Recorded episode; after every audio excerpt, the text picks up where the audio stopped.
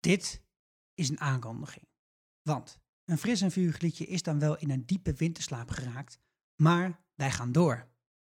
Met een andere podcast. Vierkante ogen, vierkante ogen, De Vierkante Ogen En daarin spreken we weer wekelijks over een serie die wij vet vinden. En dat is deze keer Er is maar één plek waar dit eindigt voor jou, Peter. Dat is in de bak. Tussen iedereen die je daar hebt opgesloten. Deze job heeft mij alles gekost. Jullie hebben mij helemaal kapot gemaakt, weet je dat? Komt u niet meer weg, jongen! Dus, wil je met ons meekijken naar de serie Undercover met mij, Annaluna, Esther en Sander? Luister dan vanaf begin september naar een nieuw seizoen van de Vierkante Ogen Show. Pam pam pam pam pam pam pam pam pam pam pam pam pam pam pam pam pam Fris en vurig liedje, dat is dit. Fris en vurig liedje, dat is dit.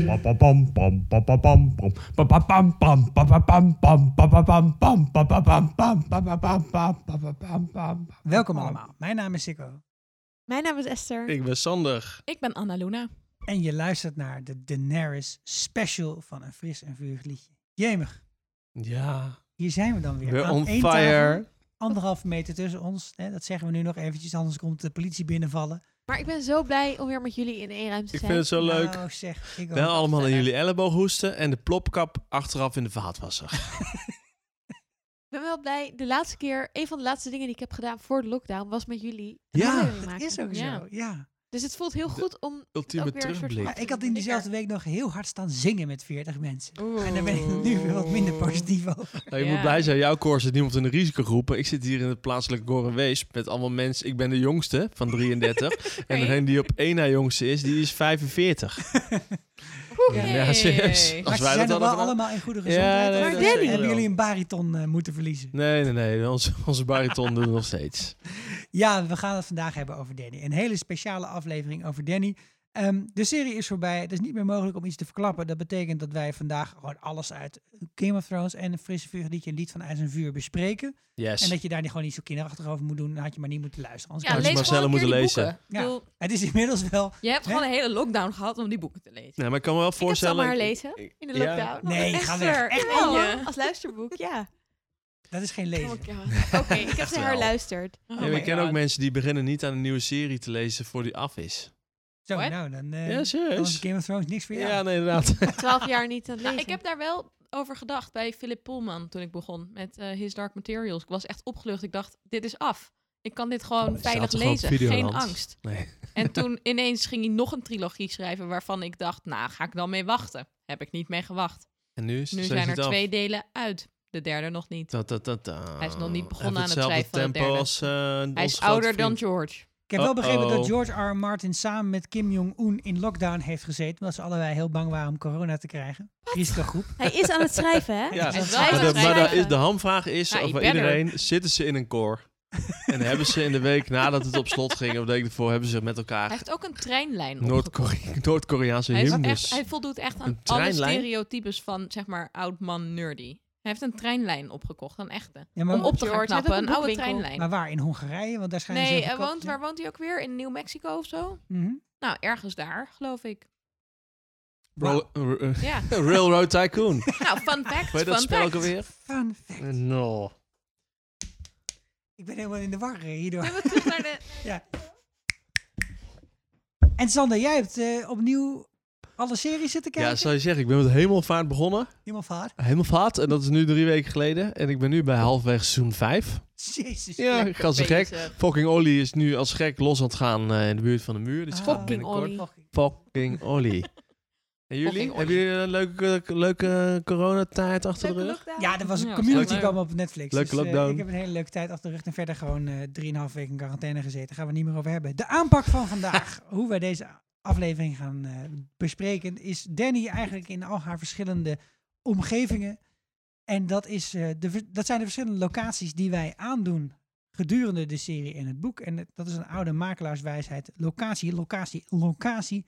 Daar draait het om. En op die Oh, verschillende ik dacht, locaties... kijken, kijken, niet kopen. Het gaat toch best wel goed met de huizenmarkt, Ja, zeker. Ja, ja.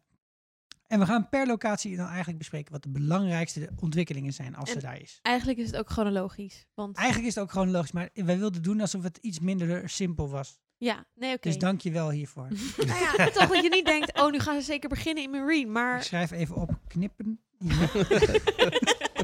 Ik wil tegen de schaar. Super! Maar we beginnen dus in de Doortrekjes. eindeloze graslanden. De eindeloze graslanden. Want we ontmoeten Danny als zij op het punt staat uitgehuwelijkd te worden aan Khal Drogo. Dit ten behoeve voornamelijk van de ambities van haar broer. Zijn ze nog in Pentos op dat moment? In Pen- Pentosh bedoel je? Pentosh. bij Illyrio... Sorry, Pentos. Bij Ja, Illyrio Mormopathisch. Illyrio is een van de mensen die samenspant met Varys. Is Hm? duidelijk in het eerste seizoen al en ook uit de boeken. En zij hebben daar de Targaryens, Viserys en Daenerys een lange tijd bewaard, in bewaring gehouden om Ja. nu Westeros weer over te nemen. ja, dat is het idee. En de eerste stap om dat te doen is om Daenerys uit te huwelijken aan Khal Drogo. Ja. De leider van de grootste Kalasar. van Waarom ze dat doen, moment. gaan we vast nog wel over hebben. Misschien eerst even een stukje, stukje geschiedenis. Ja, want wie zijn die Targaryens nou eigenlijk? Sander, take it away. Ja, dat is dus een fucking oude familie. En die eh, woonde eerst in het oude Valeria. Dat is een een of andere vrijstaat. En we gaan het later nog wel over allerlei geschiedenissen hebben. Ja. En dan komen we daar vast nog weer langs. Maar zij woonde daar in ieder geval. Was eigenlijk een, een van de mindere huizen, had ik begrepen. Ja, En minor. iemand, en daar gaat Esther straks nog een heel verhaal over vertellen. Maar iemand kreeg een droom, ik moet hier weg. En toen hebben ze alles verkocht, heel de flikkerse bende. En toen zijn ze op Drakensteen gaan wonen met z'n Ja, allen. want daar was nog blijkbaar een vakantie En dat was iets je- van 100 jaar voor de verovering van Eggen, zoiets. En eh, ja, het zijn ze daar lekker gewoond. En toen is heel de flikkerse bende ontploft in Valeria. Het doem van Valeria. Ja.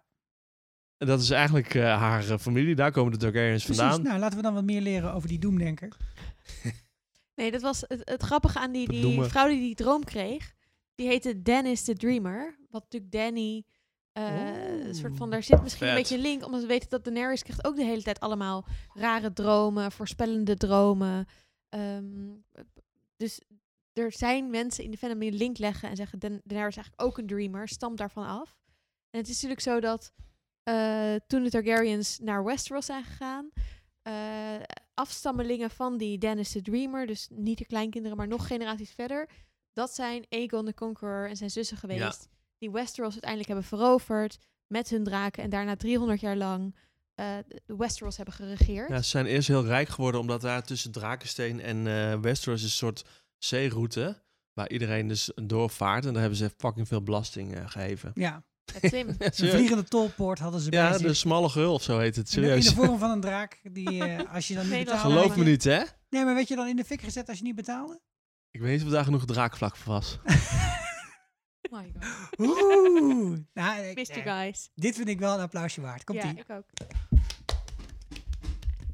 Heb ik heel de week al op zitten broeden, hoor. op dit draakei. Goed. Eh, Eh, maar ja.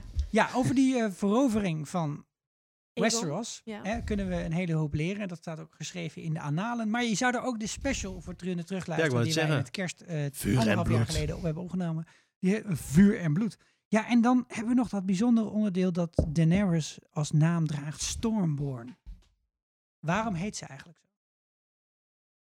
Ja, goede vraag. Goeie Goeie vraag. vraag. Waarom denk je? Sikko, Nou ja, waarom denk je zelf? Wat, wat is ook alweer de Ze lore? is geboren tijdens de storm Ja. op Dragonstone. Toen daar de vloot van de Targaryens lag om het eiland nog te verdedigen tegen de usurper en Tegen de vloot van Stannis. Baratheon. En toen ging de hele vloot zo uh, kassiewijlen. De Ja. hele Ja, flikkerse bende om met Sander te spreken. Ja, En toen werd zij dus geboren en in het kraambed is haar moeder gestorven, maar niet voordat ze Daenerys... Geworpen. stomgeborene. Nee, de naam heeft kunnen geven. Ja, want nog even als we het over geschiedenis hebben, is het denk ik goed om even Ja, vertellen. Dus eh, die 300 jaar Targaryen rule. Eh, toen, eh, zo'n zo'n 10 jaar, of wat is het? Iets langer denk ik, voor het begin van Game of Thrones, komt er een grote opstand tegen de Targaryens. Wordt uiteindelijk Robert de nieuwe koning. Hè, daarmee beginnen we in Game of Thrones. Ehm, eh, met Ned, eh, die die vraagt als zijn hand, et cetera. En de Targaryens zijn allemaal ofwel uitgemoord of verbannen. En eh eh Daenerys en Viserys zijn dus... Viserion? Viserys. Viserys. Draak Draak hebben we het later Viserys. Over. Zijn eh, ontkomen Alles herlezen eh, tijdens... eh, en eh, eh, opgegroeid buiten Westeros. Ja. En, zij zijn En dus Stormborn dus omdat zij Storm is geboren. Inderdaad. en samen met meester Aegon op de Wolves zijn zij de enige Targaryens. die- Eamon heet hij hoor. Goed. Die we tegenkomen. Ja. Ja. Eh, nou is het zo dat eh, de laatste tijd natuurlijk eh, geen nieuwe afleveringen meer worden gemaakt van Game of Thrones. En dat het daarom op Reddit ja, zit iedereen eigenlijk een beetje in, eh, zeg maar, in het bakje mini-stack te frutten om te kijken of er nog één steentje is om over te praten. En ik kwam daar een leuke theorie tegen eh, over waarom ze nou Stormborn heet. Nou, Die heb ik inderdaad net op de wc nog even zitten lezen. En de, een van de gedachten daarbij is dat zij geen echte Targaryen is. Ja, ik heb daar ook een theorie over. Maar een storm die gewo- geboren is in de Stormlands. no. En dus, hè, net als Rivers of eh, hè, al die Ja, ja. andere namen die je kent, eh, de Dat Snow, Gen- dat, ze dus, dat ze dus geen echte Targaryen Born zijn. as a Storm. Born as a Storm. Wat vinden jullie van dat idee? Nou, ik heb daar idee. straks eh, meer Nee. over. Maar ik moet eerst even opzoeken waar die papi vandaan komt. De papi. ja. Nou, En een ander, een ander idee is dat, dat eh, iemand die haar heeft ge, eh, ge- zeg maar, geferried tussen Westeros en eh, Essos, Hoe heet je ook weer? eh, dat heeft gedaan tijdens een storm of op een schip dat eh, storm in de naam droeg. En dat die persoon nog wel eens Stannis Baratheon zou kunnen Maar we weten gewoon dat er een storm was. Dus op zich Ja. gewoon best wel logisch. Ja, maar dat is toch, dat is toch een De prachtige kijk, als je Oké, de... Wat ik wil weten is waarom is ze de first of her name, terwijl we weten dat er eerdere Daenerys'en waren. Ja, dat is een hele goede. Die waren geen eerste koningin van Ja. ja. Westeros. Volgens mij is, eh, dus daarom. Dus is nooit koningin van Westeros geweest. Maar dat is ook wel interessant. Er waren dus er waren twee andere Daenerys in de geschiedenis. Ik noem ze even Daenerys 0 en Daenerys 1. Want Daenerys the First was... Daarvoor was er eigenlijk nog één. En het grappige daaraan is, dat is een, een eh, eh, jonge... Die die is jong gestorven aan de shivers. Maar haar vader... Aan de kriebels. de shivers. Is dat? Een soort van de, De de, rillingen. de shiverziekte. Een soort gewoon gegrepen eigenlijk. De, de corona van Westeros. Zouden we kunnen Corona zeggen. van Westeros. Eh, de, nou, en, ehm, maar die, eh, ehm, haar vader wilde haar, of haar moeder wilde haar eigenlijk koningin maken. Wilde haar, ze was de oudste, wilde haar de opvolger maken. Maar de vader zei nee, ze moet met haar broer trouwen en dan mogen die wel samen koning en koningin worden. Zij is dus vroeg overleden en eh, George R. Martin heeft dit verhaal toegevoegd aan de geschiedenis van de Targaryens. In zijn eerste versie stond het er niet in. Toen hebben ze later Fire and Blood uitgebracht.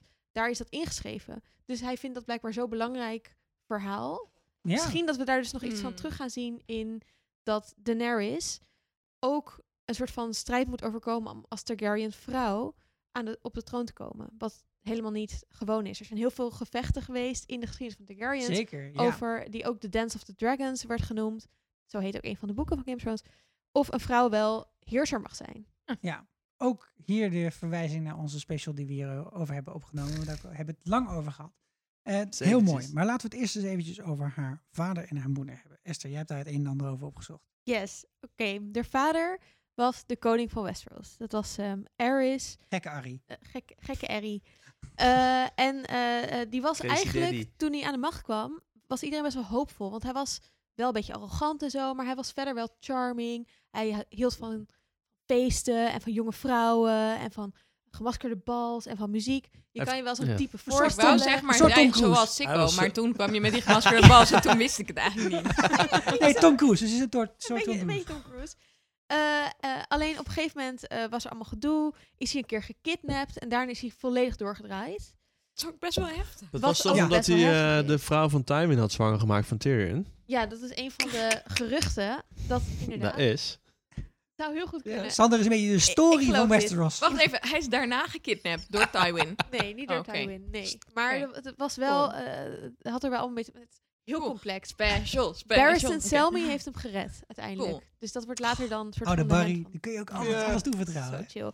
Maar wat interessant is, de moeder van Danny is de zus van King Aerys. Want hun Want vader, Targaryens. Targaryens, hun vader, die had een, eh, had een eh, eh, voorspelling gehoord dat de prince that was promised, een soort van de grote verlosser, een grote held, dat die geboren zou worden uit de lijn van Aerys en Raella, zijn, zi- zijn zus. Dacht die vader, nou, weet je wat ik doe?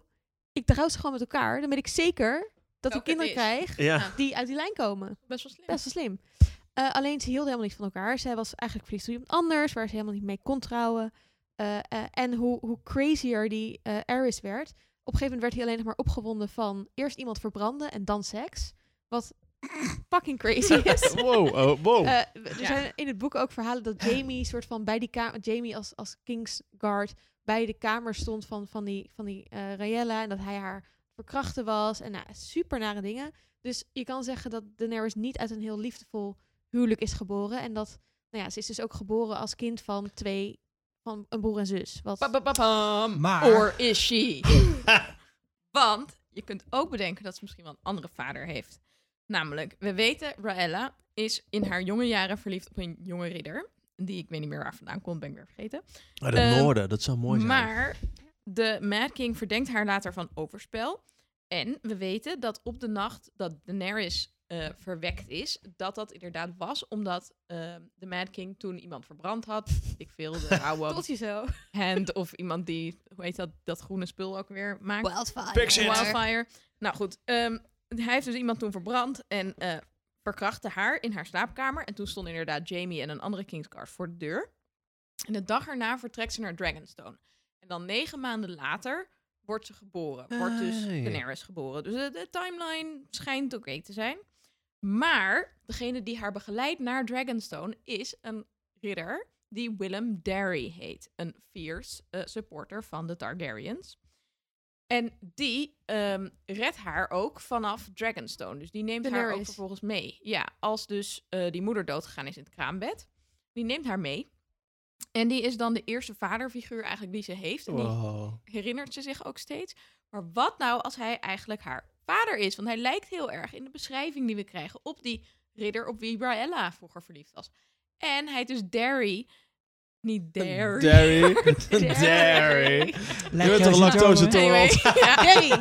Hij Derry. Derry heet die. Doe me denken aan de Ehm, droomshow. Derry. En, en Raella stond er dus op om Daenerys nog wel te noemen voordat ze stierf. Een naam te geven. Ehm, ja, dus dit is mijn megatheorie. Oké, maar Awesome. wie is het nou? Ja, het is dus verder iemand over wie, niet, wie we niet zo Maar heel die is veel weten. overleden. Die is overleden. Ehm, in het House of met de red, van de Red Door. Mhm. En hij leek op een beer. Hij leek op een beer. Hij Hij leek op op een beer. beer. Dat heeft zich Dat is een onthouden. Tormund, zijn vader. En dat is dus iets anders wat, wat we weten over de jeugd van Danny. Dus we weten heel weinig. Maar we weten dat ze is opgegroeid.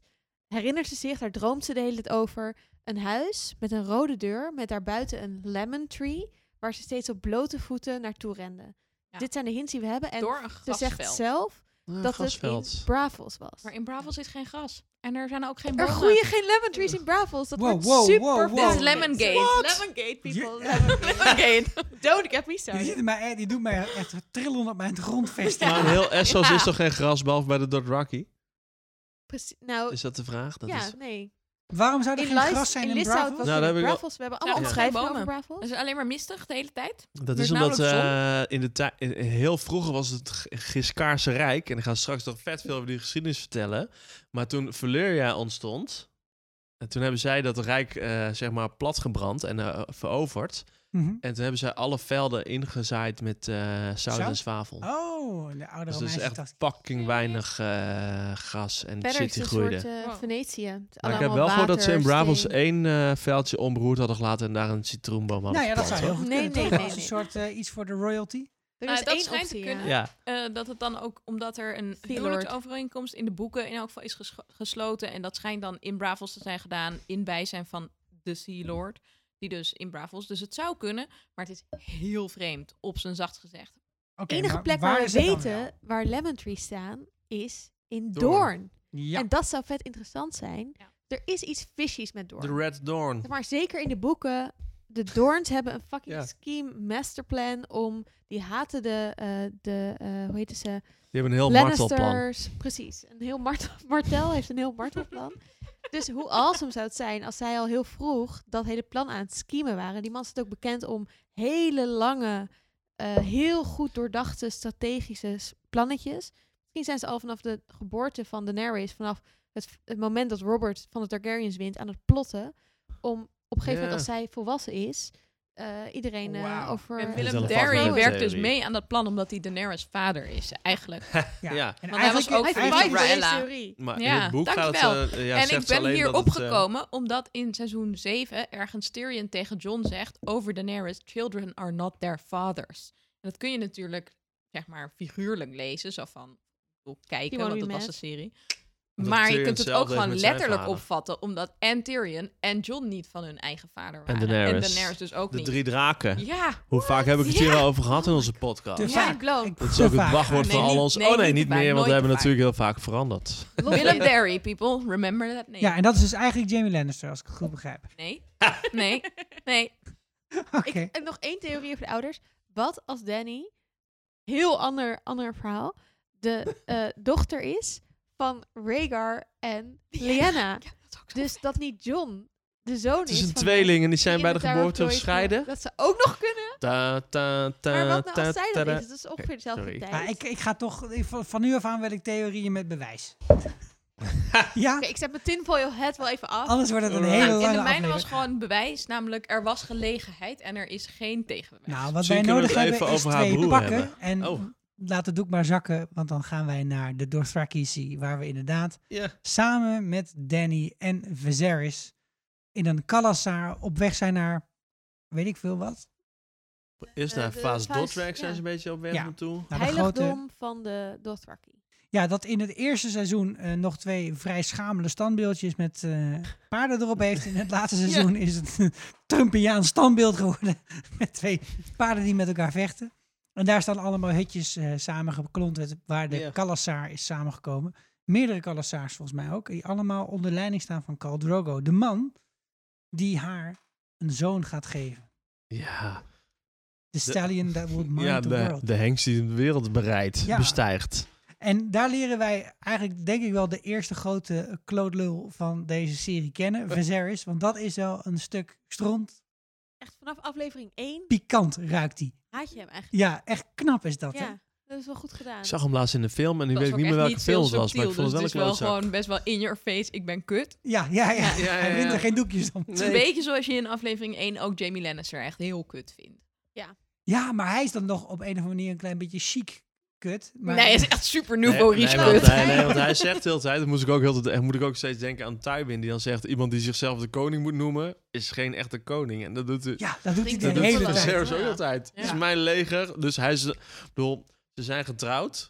Maar officieel zijn ze nog niet getrouwd, want volgens mij moet je daar ook eh, bez- bezegelen op alle andere eh, Oh, niet zulke leuke manieren. Maar in ieder geval, eh, dan zegt hij meteen, ja, waar is mijn leger? Kom maar aan. Ja, precies. We, moeten we moeten nu Westeros. Gaan Even veroveren. geduld hebben, vriend. Zegt, ja. nou, En dat is eigenlijk vanaf het begin af aan wel duidelijk dat het niet zo snel zal gaan. Dus je, die, hebt, dat, die hoop heb je ook eigenlijk volgens mij nooit in deze, als je de serie zit te kijken of als je het boek leest.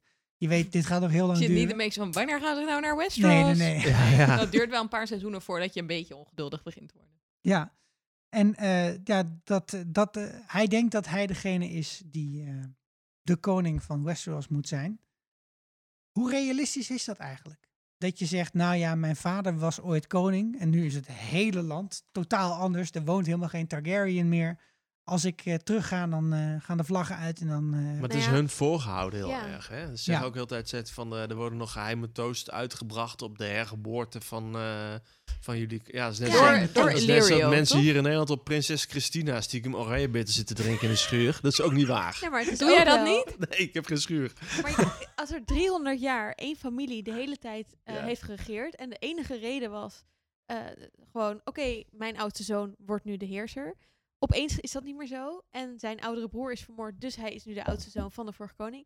Vind ik het op zich niet gek dat je denkt, dat is gewoon mijn recht om op die troon te zitten. Ja. Want dat is al altijd zo. En dat je ook misschien wel denkt, als ik terugga, dan gaan alle mensen die nu die, die usurper haten, die komen wel voor mij in actie. En ja. op zich, maar ja, hij heeft geen leger, hij heeft geen geld. Hij heeft Hij niks. heeft is al draken. jaren niet Nou, hij wordt ook de geweest. bedelaarkoning genoemd, hè? Ja, de Want, omdat ze ook daar, eh, sinds ze in Essos zijn, echt eh, fucking veel gebedeld ze hebben en heel arm zijn geweest kennelijk. Nee. En Viserys was best al wel oud. Toen hij, hij is echt wel iets van tien, tien jaar Ja, ouder of Daenerys zo dan is echt een nakomertje. Ja, dus hij heeft ook echt meegemaakt dat zijn vader koning was. Ja, dat zijn broer de grote kroonprins Ja. was. Ja. Hij is echt als een, als een prinsje opgevoed. Zijn moeder heeft hem heel erg afgeschermd van de koning. Dus hij wist helemaal niet al die verhalen over de Mad King.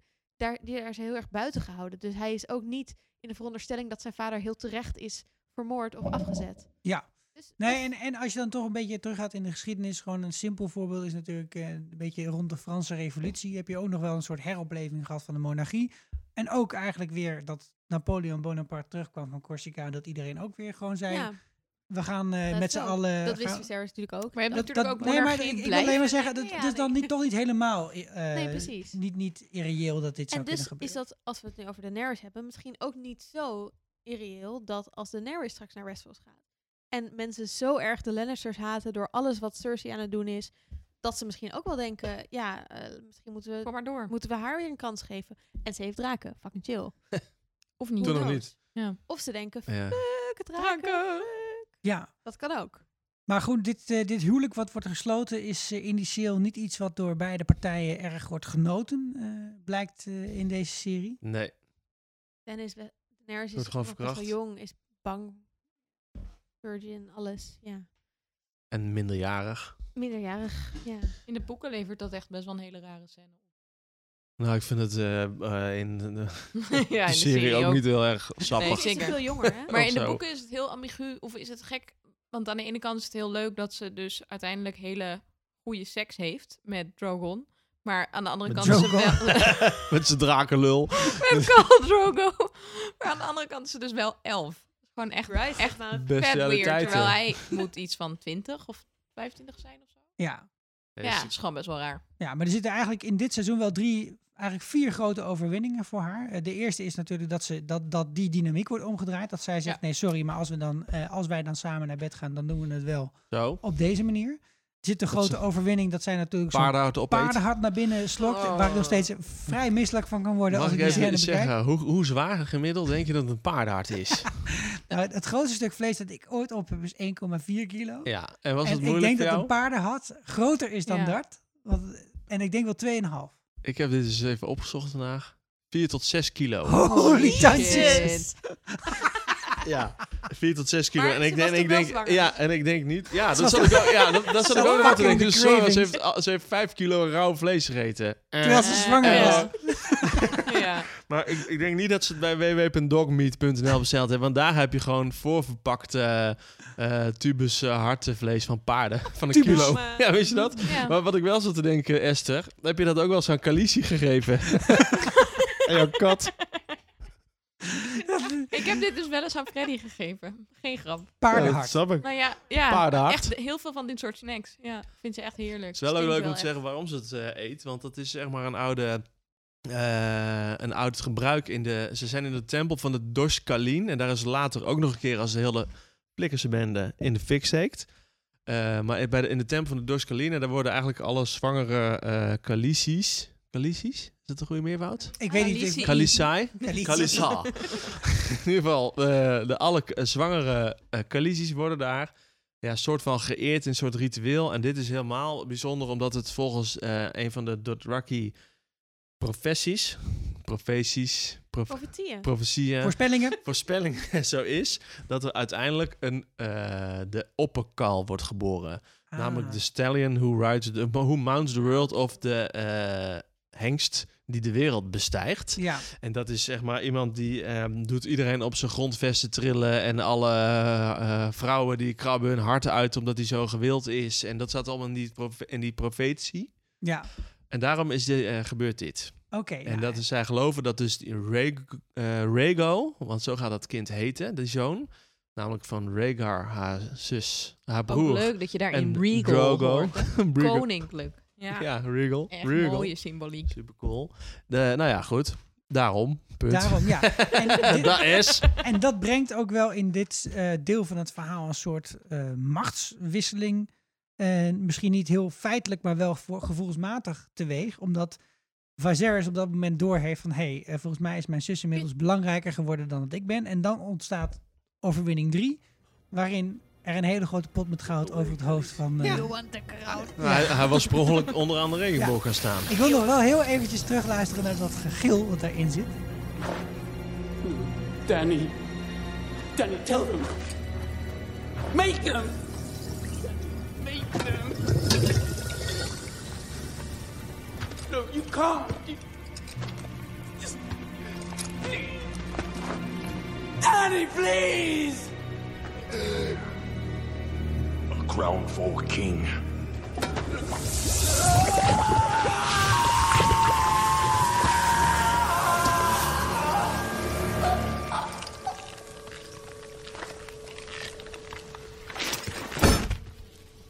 Ja, dit is gewoon een heerlijk geluid. ik had zo'n echt heerlijke hekel aan deze gozer. Ik weet, niet, ik weet niet of Ramsey of Joffrey dat ooit heeft overtroffen. Want dit was gewoon, hij was zo pedant en zo irritant. Dat ik dat, dat kroontje wat hij kreeg, dat, dat, dat, dat deed mij gewoon heel veel goed. Ik was wel blij dat we van hem af waren, maar Joffrey had dit van mij ook al verdiend. Ja, Ramsey ook. Ja, Ramsey Ramsey ook. ook. Ja, maar dus blijkbaar, haar zoon is dan dus de Nou ja, dat, is het idee ooit? dat hij dus zeg maar de allergrootste kal alle tijden wordt. Dat alle Kalasars achter hem aangaan. eh, dat zij uiteindelijk dus ja, supermachtig iemand is die eh, eeuwig over de graslanden mag grazen met al die paarden of zo. En alle le legers maar aansturen. Maar wat vechten. eigenlijk veel interessanter is, eh, eh, dat gaat natuurlijk niet helemaal goed met dat kindje. Uiteindelijk, om, in die Niet tent. In, helemaal in, niet helemaal goed, omdat ze... helemaal goed, Ja, het helemaal gaat goed, niet helemaal goed goed. mis. Ja, dat gaat goed Helemaal mis. Dat gaat goed mis. Eh, en dat, maar eigenlijk zijn er heel veel theorieën over dat zij juist die, eh, die, die eh, noem je dat? Die hengst is die ja. de wereld gaat bestijgen. Nou ja, Dat ze baart zelf is. natuurlijk wel. Ze, dus, oké, ze baart geen kinderen, maar ze is wel de mother of dragons. Dus op het moment Ja. dat, haar, dat ze haar kind verliest, ze ziet dat zelf eigenlijk alsof de draken zijn, dat, alsof haar kind heeft opgeofferd voor die draken. En eh, misschien zijn haar draken dan wel de stallions who mount the world, of zij met haar draken. Ja, nou, ze is I in like ieder- deze theorie. In Ja. ieder geval hebben meerdere mensen het gevoel dat zij een gevaar is voor het voortbestaan van eh diens persoon, eh, zijn of haar macht. En een van die personen is Robert Baratheon, die eh, de opdracht geeft vanuit Westeros van deze dame moet uit de weg geruimd worden. Dat lukt uiteindelijk niet in de mislukte vergiftigingspogingen die nog in deze serie zit. Ehm, maar er zit eigenlijk nog een, een groter verlies voor eh, Danny in het verhaal. En dat is op het moment dat zij eigenlijk denkt dat ze een, ehm, een groep mensen heeft gered. En uit, eh, zegt deze dame, Ja. Miri Masdoer, moet beschermd worden. En ook deze mensen hieromheen moeten met rust gelaten worden. En dat leidt tot een groot conflict tussen Khal Drogo en hoe heet die andere dude? Calpono. Calpono, hè? Ja, Ja. daar moet je Guido over hebben eigenlijk. En eh, daar ontstaat een, eh, een, een, een, een giftige of een, eh, een, etterende wond. Ja, eh, die dan uiteindelijk door wat kruiden wordt ingelegd door die vrouw. Omdat zij, omdat, eh, kijk, de Masdoer heeft dat, eh, die hebben ze gered, hè? Het kruidenvrouwtje. Wat ik wel grappig vind, is dat daar heel erg een soort Oost- Oosterse cultuur wordt ge, ja, neergezet. Terwijl ze eigenlijk het christendom eh, eh, daar lijken te volgen. Namelijk over de grote herder. Ja, De grote herder. Ja, eh, misschien, misschien is het een, vroege christen. Ja, inderdaad, vroeg. Heel vroeg. Maar die Ja. gaat dan, die is de enige die wat weet over geneeskunst in die Kalasar. En dan gaat ze dat met een soort kruiden balsem eh, in eh, wrijven. En dat gaat een beetje etteren. Het gaat een beetje etteren. Dat, Ja. eh, dat heeft nou, ik ben er vrij sceptisch over of het wel een goed, goed idee was. En Sepsis en Daenerys heeft haar bloedvergifting, mensen. gered. Toen de kal viel in haar dorp. Enig- zeker. enigszins gered. Ja, maar uiteindelijk blijkt dus dat Miri Masdoer haar eigenlijk heeft verraden. En daar zit wel een van de grootste lessen uit het leven van eh, Danny. En eh, die, die vat ze eigenlijk zelf het beste samen. I saved you. Saved me. Three of those riders had already raped me before you saved me, girl. I saw my God's house burn. There, where I had healed men and women, beyond counting. In the streets, I saw piles of heads. The head of a baker who makes my bread. The head of a young boy that I had cured of fever just three moons past. So, tell me again exactly what it was that you saved. Your life. Why don't you take a look at your hal? Then you will see exactly what life is worth when all the rest has gone. Ja, want hier eh, gaat het natuurlijk over het feit dat Khal Drogo, die ligt daar als een soort halve Apengapen. ja, eh, in comateuze frisbee op de grond. En er gaat helemaal niets meer gebeuren. En eh, zij, zij vraagt zich af, wat is er in vredesnaam met deze man gebeurd? En zij, de- zij legt daaruit van, ja, wat denk, wat denk je nou zelf? Ik ga deze man toch niet redden? Eh, want, eh, en ik ga ook zeker jouw kind niet redden. Want dat was het hele idee dat ze de hele wereld plat zouden gaan branden. En wat ook heel erg interessant is aan deze scène, is dat zij aan Danny uitlegt van... Ja, jij dacht dat je hier eventjes eh goede sier kon gaan maken en de redder kon zijn van ons allen. Ja. Maar had je door dat we al hè, drie keer verkracht waren met z'n allen? Ja, en dat onze inderdaad. baby's al met hun hoofd tegen de muur geslagen waren? Want dat Maar- is namelijk wel het type mens met wie jij Ja. je ingelaten hebt. Maar die- bedankt. Ja, die Dothraki, dat zijn geen vriendelijke vrienden. Dat zijn geen, nee, dat zijn geen Nee. leuke buren natuurlijk. Dat is zeker zo. En eh, zij zet het haar betaald uiteindelijk, hè? Precies, en dat gaat ze ook voelen. In het vuur. Zeker. Want dat is natuurlijk de laatste grote overwinning van, het, eh, van haar tijd in de Dothraki Sea. Dat is dat ze Miri Masdoer en Khal Drogo zelf. Ja, dus de crematie van Khal Drogo. Want eerst legt ze hem om met de kussen. Ja. Toch? Ja, het is toch zo? Ze, ja, Ze, doet, ze doet even een hospicie op hem en dan eh, is het voorbij. Ja. Inderdaad, dan is het voorbij. Dan gaat ze eh Khal Drogo cremeren. En dan wordt Miri Masdoer er ook eh, in die eh, vuurzee eh ja, ze, ne- vastgebonden. ze neemt haar drie eieren mee. Neemt er drie eieren mee. En De- zichzelf. En Gaat- zichzelf. Ze gaat zelfs tussen Tussen de, de brandende lijken zitten met haar, met haar eieren. En dan. En dan staat ze op. De Epische muziek zwelt op.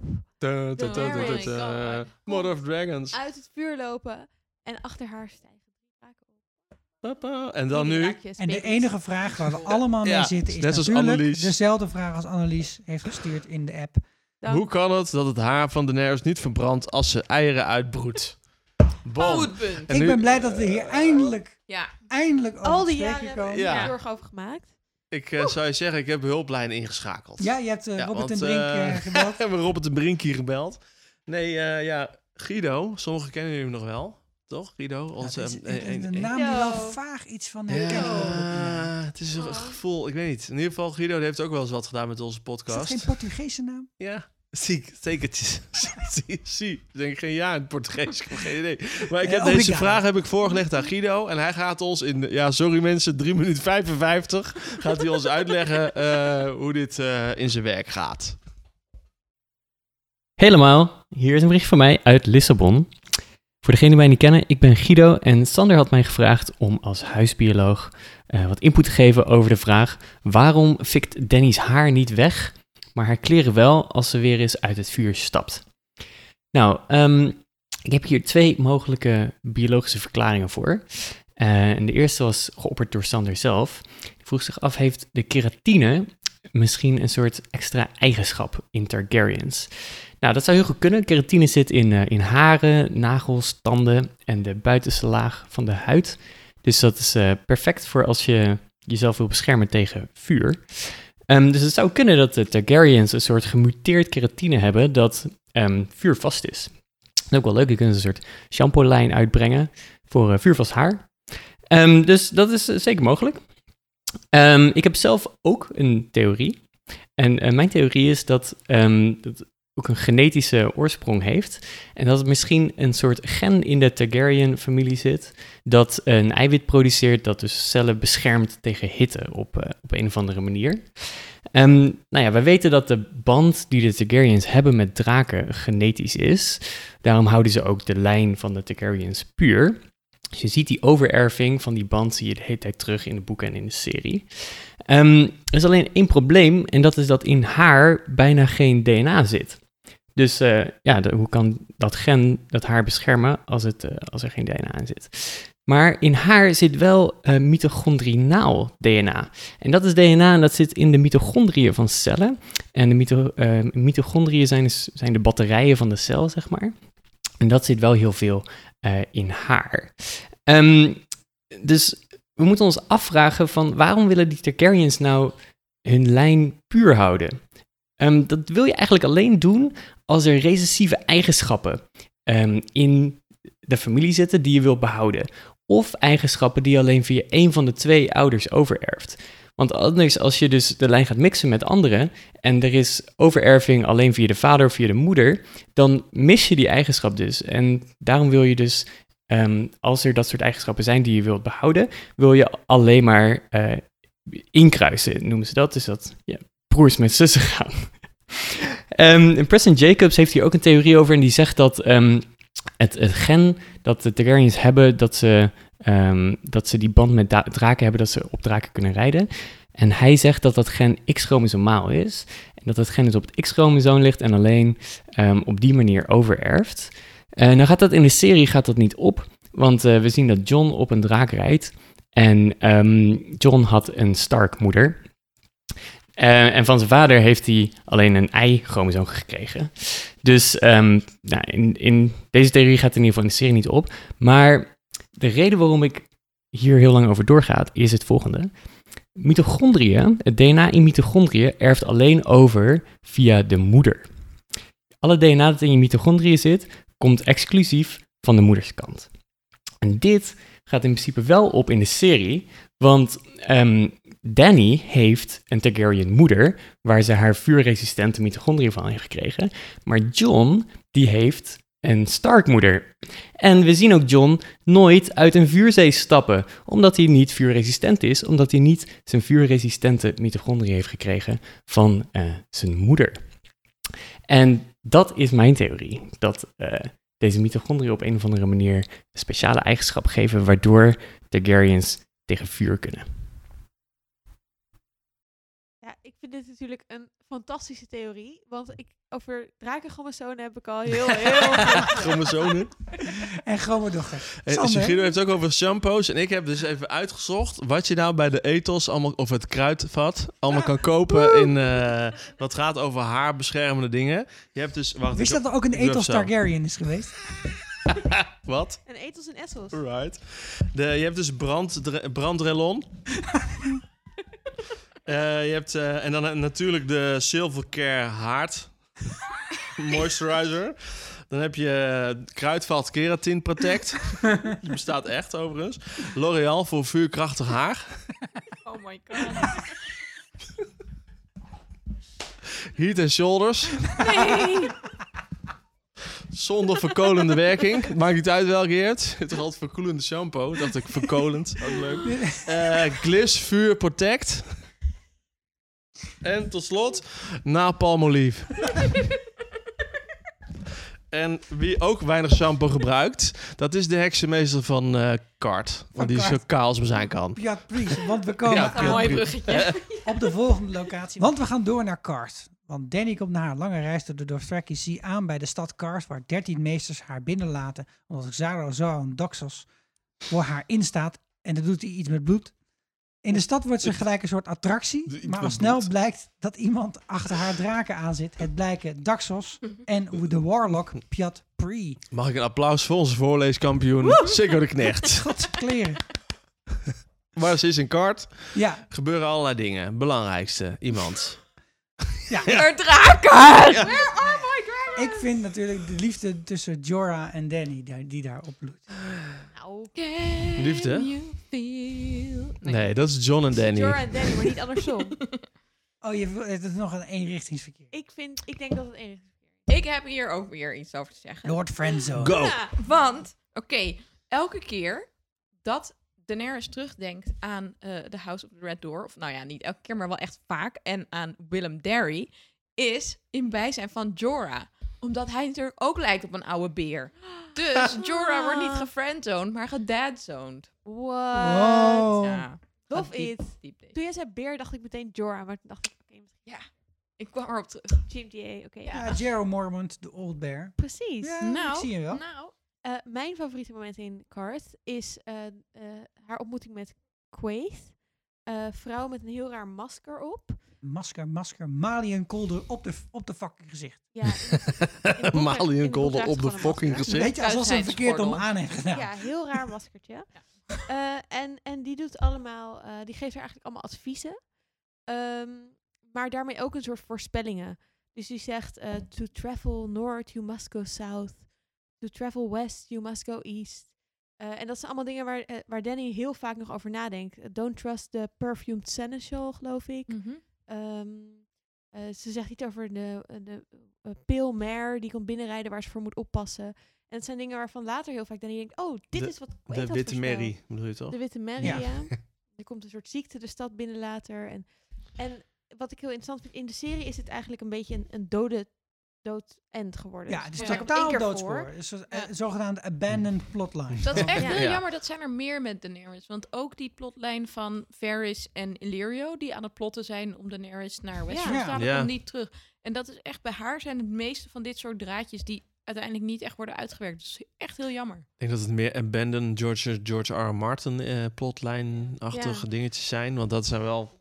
Dit zijn dingen die, die zeg maar in de boeken is, komt Danny gewoon superveel voor. En zit er ook heel veel gelaagdheid aan, aan soort van alle mensen die met haar te maken hebben.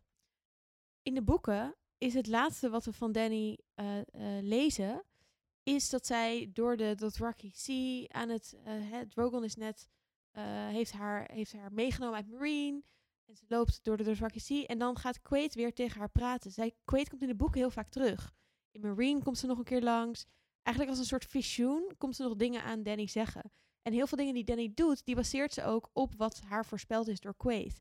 Dus ik ben heel benieuwd wat in de boeken, wat we nog over haar gaan leren. Wie is ze eigenlijk? Waarom heeft ze zoveel invloed op Danny? Waarom kan ze haar visioenen geven? Vind ik super interessant. Ja, nou, en als je een gokje moet wagen wie ze is, dan moet ze iets te maken hebben met hetzelfde geloof als waar Melisandre iets mee te maken heeft. Omdat ze namelijk Want? ook, nou, omdat het, dat masker wat zij op haar hoofd heeft, dat heeft dat, dat zeshoekige vormpje.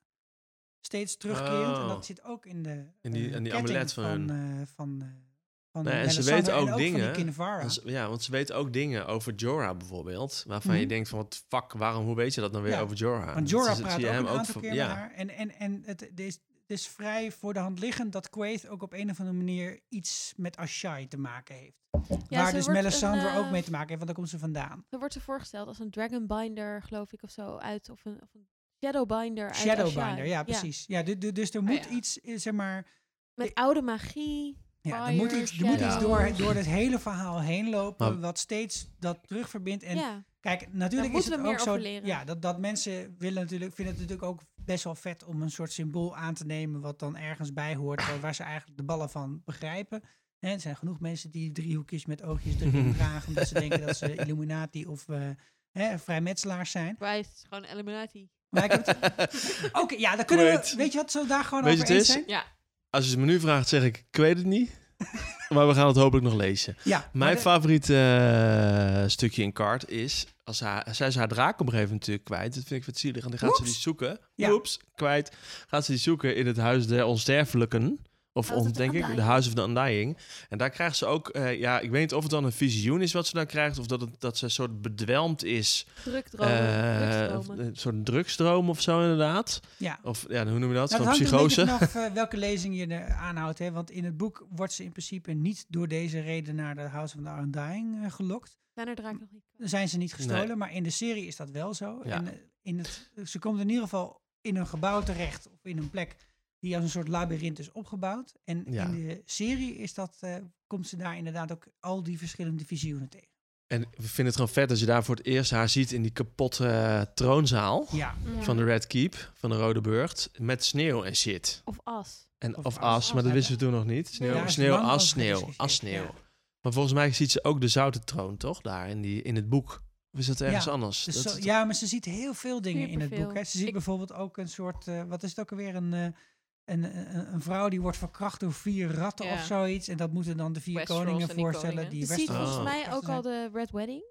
Ja. En ze ziet, Ja. Zeker, ja, een man met een, eh, met een wolf op zijn nek. Die, dat is de eh, laatste keer dat ik erover begin. Maar ze ziet daar ook. Haar vader, Wim Eerst Derry. wordt tegen haar gezegd, remember who you are. In een soort van Lion King moment. Zoals Simba dan in die vijver kijkt. En dan ziet hij natuurlijk daarna zijn vader. Darth Vader En dan ziet ze het huis met de rode deur. En Willem Derry. What? ja. Boom! niet- drop, dit was het ook niet gehaald naar de serie. Dus blijk- maar, en dat was in een tijd dat George nog heel erg veel meeschreef aan de Maar serie. het was gewoon te ingewikkeld voor toen.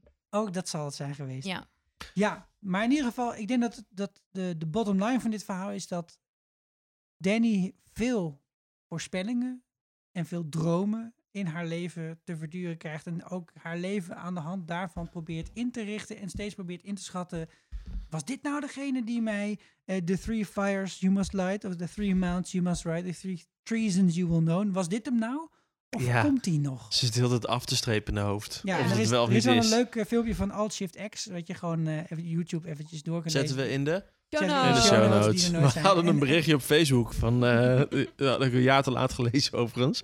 Dat zag ik vandaag. We hadden een berichtje op Facebook van iemand... dat Annaluna supercoole eh, fantasyboeken had eh, ge- benoemd.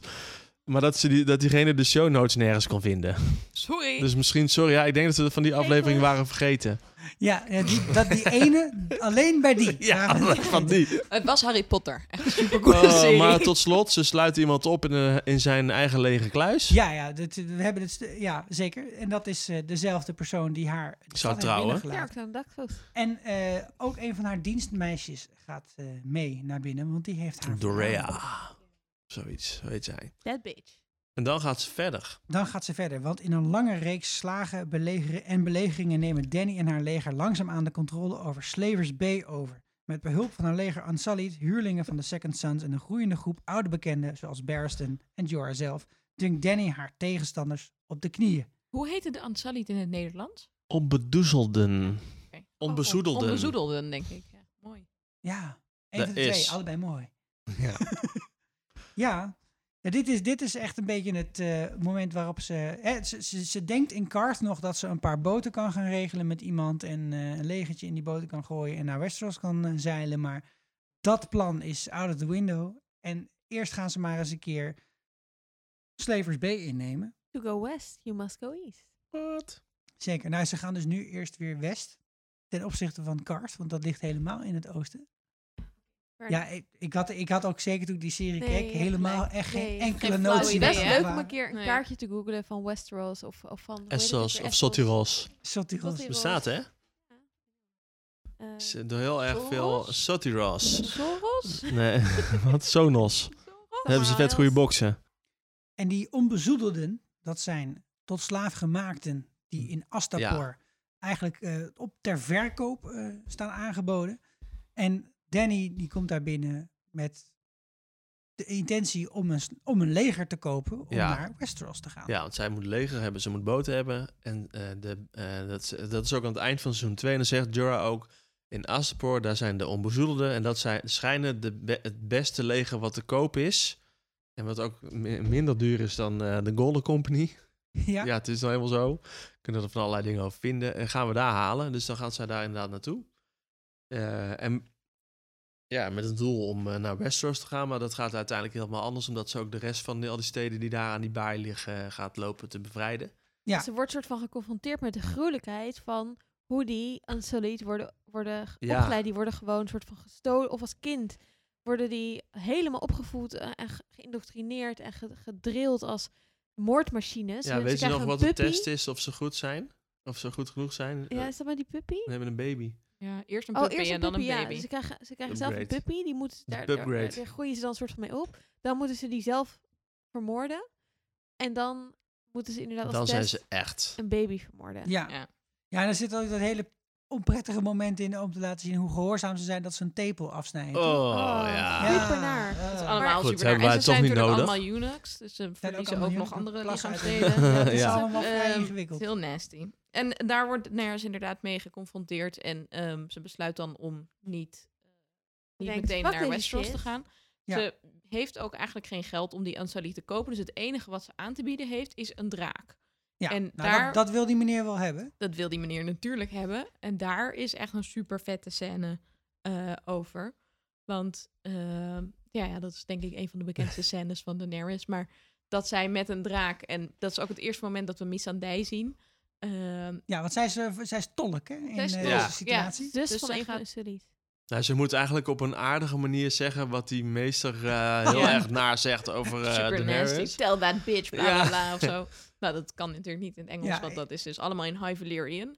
En dan blijkt uiteindelijk dat Daenerys dat gewoon begrijpt. En die gaat eerst even testen of het leger precies doet wat ze wil. ehm, Ja. En dan... eh, Ondertussen luistert Drogon niet. in de Hij luistert niet! Dat, ik ging er terugkijken en toen viel me ook op.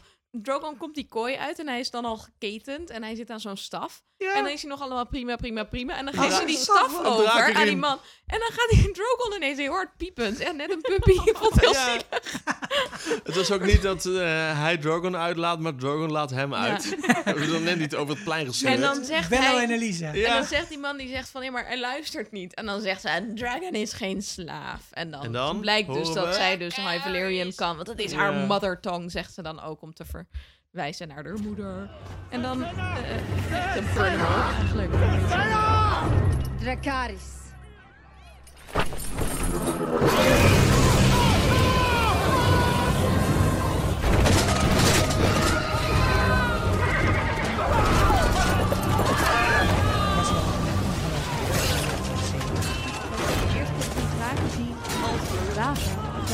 Als oh leuk, dit is huisdier. Als huisdier, Kijk, Mensen gaan hier een geitenboek, geitenblokje roosteren. En nu is het opeens... Ja, want Dracarys heeft natuurlijk al een paar keer Ja, dan- eerder gezegd... als er geitenblokjes Ja, geroosterd ja. moeten worden... Ja, of ja, in of die, eh, visjes. of in die toren. Want als er drie draken tegelijk zijn... die eh Piapri in de fik zetten. Wat ook opviel bij het herkijken van deze scène, is dat ze dan vervolgens tegen de Unsullied zegt van oké, kill all the master, masters, eh, maak alle meesters dood. ehm, en eh, maak eigenlijk iedereen dood die je een stroopbreed in de weg legt. Maar bespaar de kinderen. En dat is natuurlijk heel erg opvallend vergeleken met latere Daenerys, die de omslag maakt in het allerlaatste seizoen. Dat ze daar, ja, zie je de hele tijd allemaal kinderen die doodgaan omdat zij zelf Ja. Drogon loslaten. In het begin is Burnham al, is de al nog een beetje een beperkt begrip. Ja. Maar daarna wordt het wat verruimd. Precies. Laten we het zo maar noemen. Ja. Nou, en en ze, hef, ze vindt daar ook een soort eh, geloof of een soort eh, zelfvertrouwen. Dat ze ook zegt van ja, eh, jullie zijn nu de hele tijd eh, onder iemands bevel geweest. En degene die deze zweep vasthoudt, daar luister je naar. Ja, ik, ga de, ik gooi deze zweep zo in het zand. Dat zegt ze eigenlijk. En je hoeft niet meer naar me te luisteren, maar het mag wel. Ja. Dus je mag het op basis van vrijwilligheid doen. Ja, inderdaad. Niet dat ze nou heel veel andere opties hebben om... Ja, en de vrijwilligersbijdrage is niet zo heel erg hoog. Dus je hoeft Nee, alleen te vechten in je leven te riskeren. Ze laat Astapor achter, want ze gaat daar weg. En volgens mij is het idee dan dat ze, dat ze zichzelf gaan... eh, dus dat de mensen die erachter blijven wel een soort... Nou, het is geen democratie of soort zo, Irak. maar geen echte master meer hebben. Nee. Of in ieder geval wat daar gebeurt eigenlijk, Ja. in ieder geval weet ik uit de boeken, is dat het heel erg omgekeerd raakt. Dus dat Nee, dat zie je de later ook masters wel. nieuwe slaven worden. En dat de slaven heel erg gruwelijk worden voor die masters. Waardoor Danny ook bij zichzelf denkt, hmm, dat was nou ook niet per se. Dit is geschreven in de tijd dat het prison experiment nog niet ontkracht was. Kijk, Ja. ja. Nee, en de- Geen Rutger Bregman. Het gebeurt ook in Yunkai precies hetzelfde Ja, met precies. de slaven. en wat, daar wel, wat daar wel vet aan is, en ik had net al even over dat Giscarian Empire. Dus dat is vroeger, dat is echt 5000 voor de verovering van Aegon, had je het, eh had je het Giscaarse Rijk. En dat was echt vet groot. Het was heel de Slavers Bay en een heel stuk van de uh, Dothraki Sea. En dat bij elkaar was dat een heel groot eh, rijk. En daar, binnen dat rijk hadden ze, heel veel, hadden ze echt fucking veel slaven. En toen is op een gegeven moment is Valyria steeds groter geworden. En de mensen in Valyria die leerden toen ook om drakeneieren uit te broeden. En die waren, werden daar echt heel goed in. Persoonlijk. Die, gingen gewoon uren erop zitten. heel veel sambal eten. Kwam het zelf goed. Nee, eh, en die dacht toen eigenlijk van ja, maar what the fuck. Eh, al die slavernij daar, dat vinden we echt fucking relaxed. We gaan die boel daar gewoon omvergooien. Dus hebben ze heel dat oude Giscaarse Rijk hebben ze platgebrand en bevrijd. En de mensen die toen slaaf waren, dat zijn de huidige masters. Van, eh, en die Daenerys dus weer wegvaagt. Wow. Dus dat is best wel een eh, dubbele laag, denk ik. Ja, dat is wel dat wheel waar ze het altijd over heeft. En nu worden die slaven, voormalige slaven, worden weer de nieuwe masters. Holy Christ. Super vet, hè? Ja. Nou ja, volgende Break stad waar we, wheel. waar we aankomen is, eh, is Yunkai. En daar is er Ja. eerst nog een soort poging die ze doen hè, vanuit Yunkai. Om te zeggen, nou weet je wat, als jij nou gewoon eh, hier met een grote boog omheen loopt, dan krijg je heel veel goud. Maar daar ontmoet ze de liefde van haar leven. Dario Nou? Daar droomt ze wel. Oh, ik had gezegd dat het de laatste keer was. Maar daar droomt ze dan ook weer over dat ze een huis met een rode deur gaat eh, bewonen. Gaat samen kopen, met hem. ja, ja. Dario, Nou. Oké, Laatste Darry. keer, laatste keer. ik dacht dat jij ging zeggen Daddy O'Harris. Ja. Nee. Maar dit, dit, wordt- dit, Zo slecht, hè? Sorry. het is ik ben niet goed in Engelstalige woordgrappen. Sorry. dit hele stuk is eigenlijk een soort van één grote lange smeer. Ze neemt gewoon de hele tijd steden over. En dus deze Ja. stad neemt ze dan over door via de achterdeur binnen te komen Ja. en, eh, en de rimbam. Maar het is wel zo dat Dario zijn eh verbo- verbintenis met zijn huurlingenleger eh, in die zin op scherp stelt door die andere twee masters, de, de andere twee leiders van die club, te vermoorden en die hoofden eh, aan haar te geven terwijl zij een bad neemt, volgens mij. Ja, en dan heeft hij opeens, eerst heeft hij lang blond haar en dan komt hij, kwam een nieuw seizoen en dan opeens is daar Ja. een jonge god, Michiel Huisman. ja, ja, Michiel Huisman met de lekkere kadetten. Mm. Daar is waar heb je het over? kadetten. Broodjes van de Merinische bakker. Broodjes. Broodjes. Ja, joh. Harris, eh, Dario wat, eh, Harris. Nee, ja, en, en Danny en, de- en Dario eh they Kunnen wel met elkaar overweg. Ja, en Kunnen wel met elkaar overweg. Zeg maar, in, deze, in, deze sprong van Astapor naar Yunkai, dan heeft ze, ze heeft dan eigenlijk dat moment waarop ze de Unsullied, de tot slaafgemaakten, weer slaaf ontslaafd. Ja. En eh, vanaf dat moment ziet ze zichzelf ook als de grote bevrijder van Slavers Bay. Nou, er wordt heel vaak gezegd, als het hierover gaat, eh, dat het gaat over een white savior complex. Of hoe noem je dat in het Nederlands? Een Eh, witte redder. Witte reddercomplex, ja. En het eigenlijk als je heel kort door de bocht zegt, is dat iemand die medelijden heeft met een onderdrukt, anderkleurig volk, om het zo maar even te noemen, dat, die, die, die- dat ze die gaan redden. Ja. en dat ze Zeg het ik dat, idee eh, hebben vat dat, ik dat zij goed samen? eigenlijk ook beter zijn in redden dan andere mensen. Omdat ze dus vanuit een soort van Ja. dit superioriteitsgevoel dat doen. Ja. Dat is wel ik, cruciaal. ik vind het wel een interessant gesprek om te bedenken of dat echt zo is. Kijk, natuurlijk, als je puur kijkt naar kleur, dan denk ik dat het wel zo is. Omdat zij wit is en de rest niet. Ja. Maar ja, eh, hè, dat is misschien een beetje kort door de bocht. Maar als je naar haar Nou- geschiedenis kijkt, misschien is, ligt het misschien wel anders. Nou, ik ik, vind, oh, ik denk de hele tijd in dit verhaal, eh, ja, volgens mij is dit aan de hand. En is het ook een beetje overdreven eh, heftig neergezet in de serie. En is dat ook een hele Ja. duidelijke reden waarom mensen de tiende aflevering van seizoen 3 ook een klein beetje moeilijk te hakken vinden. Dat, dat, dat probleem heb ik zelf ook. Met dat Misa en de iemand tillen op handen en maar vindt ze het zelf wel zo chill daar? Dat nou, vraag ik me af. volgens mij vindt ze het zelf hartstikke chill. Ja. eh, en komt het er ook allemaal heel goed uit. En vooral dat laatste is denk ik het issue. Eh, het komt er heel goed uit. Want ja, het komt haar heel goed uit. Ja. in, in het hele verhaal wat ze voor zichzelf op moet bouwen als leider. En ook in haar strategische planning om dat stuk van deze, we- van deze wereld over te nemen. Komt het er bijzonder goed uit dat er een onderdrukte bevolking is die ze kan Ja. mobiliseren. Als het haar uitkomt. Maar ik denk niet dat, het van een, van, dat zij zichzelf per se superieur voelt over de rest of zo. Ik denk als je haar naar haar geschiedenis kijkt, dat zij in, die- eh, sowieso zelf eh, in Westeros vreem, eh, vreemden waren. Hè? Dus Ja. zij waren zelf ook eh, niet vanuit dat land, om het zo maar te noemen. De En ze heeft zelf ook niet per se een heel wildige jeugd gehad of zo. maar ik denk eigenlijk Dus dat... ik denk dat, dat er wel wat voor te zeggen is. Dat het niet, natuurlijk is het niet per se altijd vanuit gelijkheid, want anders kan je iemand niet bevrijden. Ja. Toch?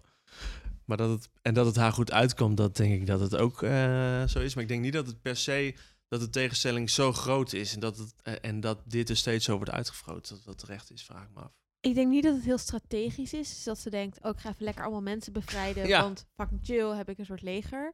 Ik denk wel echt dat ze het doet, soort van vanuit, oké, Ze deze me- ja, een soort van, Ook dit vind ik idealisme. echt niet cool. En ze wordt ook soort van, ze krijgt allemaal vrouwen om zich heen die de haar dan ook gaan adviseren. En zoals Misanda Ja. en andere, die, die ze ook echt, nou ja, aan de andere kant, die, dat zijn ook haar bedslaven, zou je het kunnen noemen, tussen aanhalingstekens. Wat ik wel echt problematisch vind, oh, eh, dus waarin ik wel echt denk dat dat White Savior complex een beetje zit, is dat ze heel erg probeert in Marine, als ze daar leider is, om haar westerse, als in Westeros, Ja, haar, andere, haar eigen cultuur en en cultuur op te Ja. leggen aan die stad. Dus Ja. zij verbiedt de fighting pits, wat daar echt een hele lange traditie is, omdat ze het gruwelijk vindt, omdat ze vindt, we moeten, hier, we moeten elkaar niet afslachten. En daar, daar kan ik me als, daar kan Ja. ik me heel goed in inleven, maar dat wil niet zeggen dat dat de enige juiste manier is om er naar te kijken. En ze is de hele tijd daar bezig met eigenlijk het, het tegengaan van de tradities, waardoor ze dat hele, die hele stad tegen zich krijgt. En dat is echt wel, dat vind ik wel heel erg onderdeel van het White Savior complex. Van ja, wij gaan wel even allemaal mensen redden en dan gaan we ze even leren hoe wij dat nou... Beschaving opleggen. De Ja. beschaving die Ja. wij hebben, gaan we hun opleggen en dan helpen we ze. En dan kunnen ze zelf ook zo worden als zij. Nou ja, haar eigen normen en waarden, niet per se die, want zij heeft geen wij. Want ze komt zelf ook nergens Ja, vandaan. haar is aangeleerd. Dus wat haar- wat ze- wat haar- ja. Van, ik ben en ik heb recht op die troon. Nou ja, ze wordt ook wel geadviseerd door eh, voornamelijk eh, witte, grijze oude mannen Ja, op dat ook moment. dat Nee, wat ik wel- weg is gestuurd Ja. uit Westeros Ja. vanwege het hebben van slaven. Ja, Ja. eh, inderdaad. En nu is uit Essos is hij weer weggestuurd op dat moment. Wat ik, wel, wat ik wel een vet omslagpunt vind in heel, dit, in heel dit gedrag van haar, is dat ze op een gegeven moment dat, dat advies van Missandei, dat neemt ze super serieus.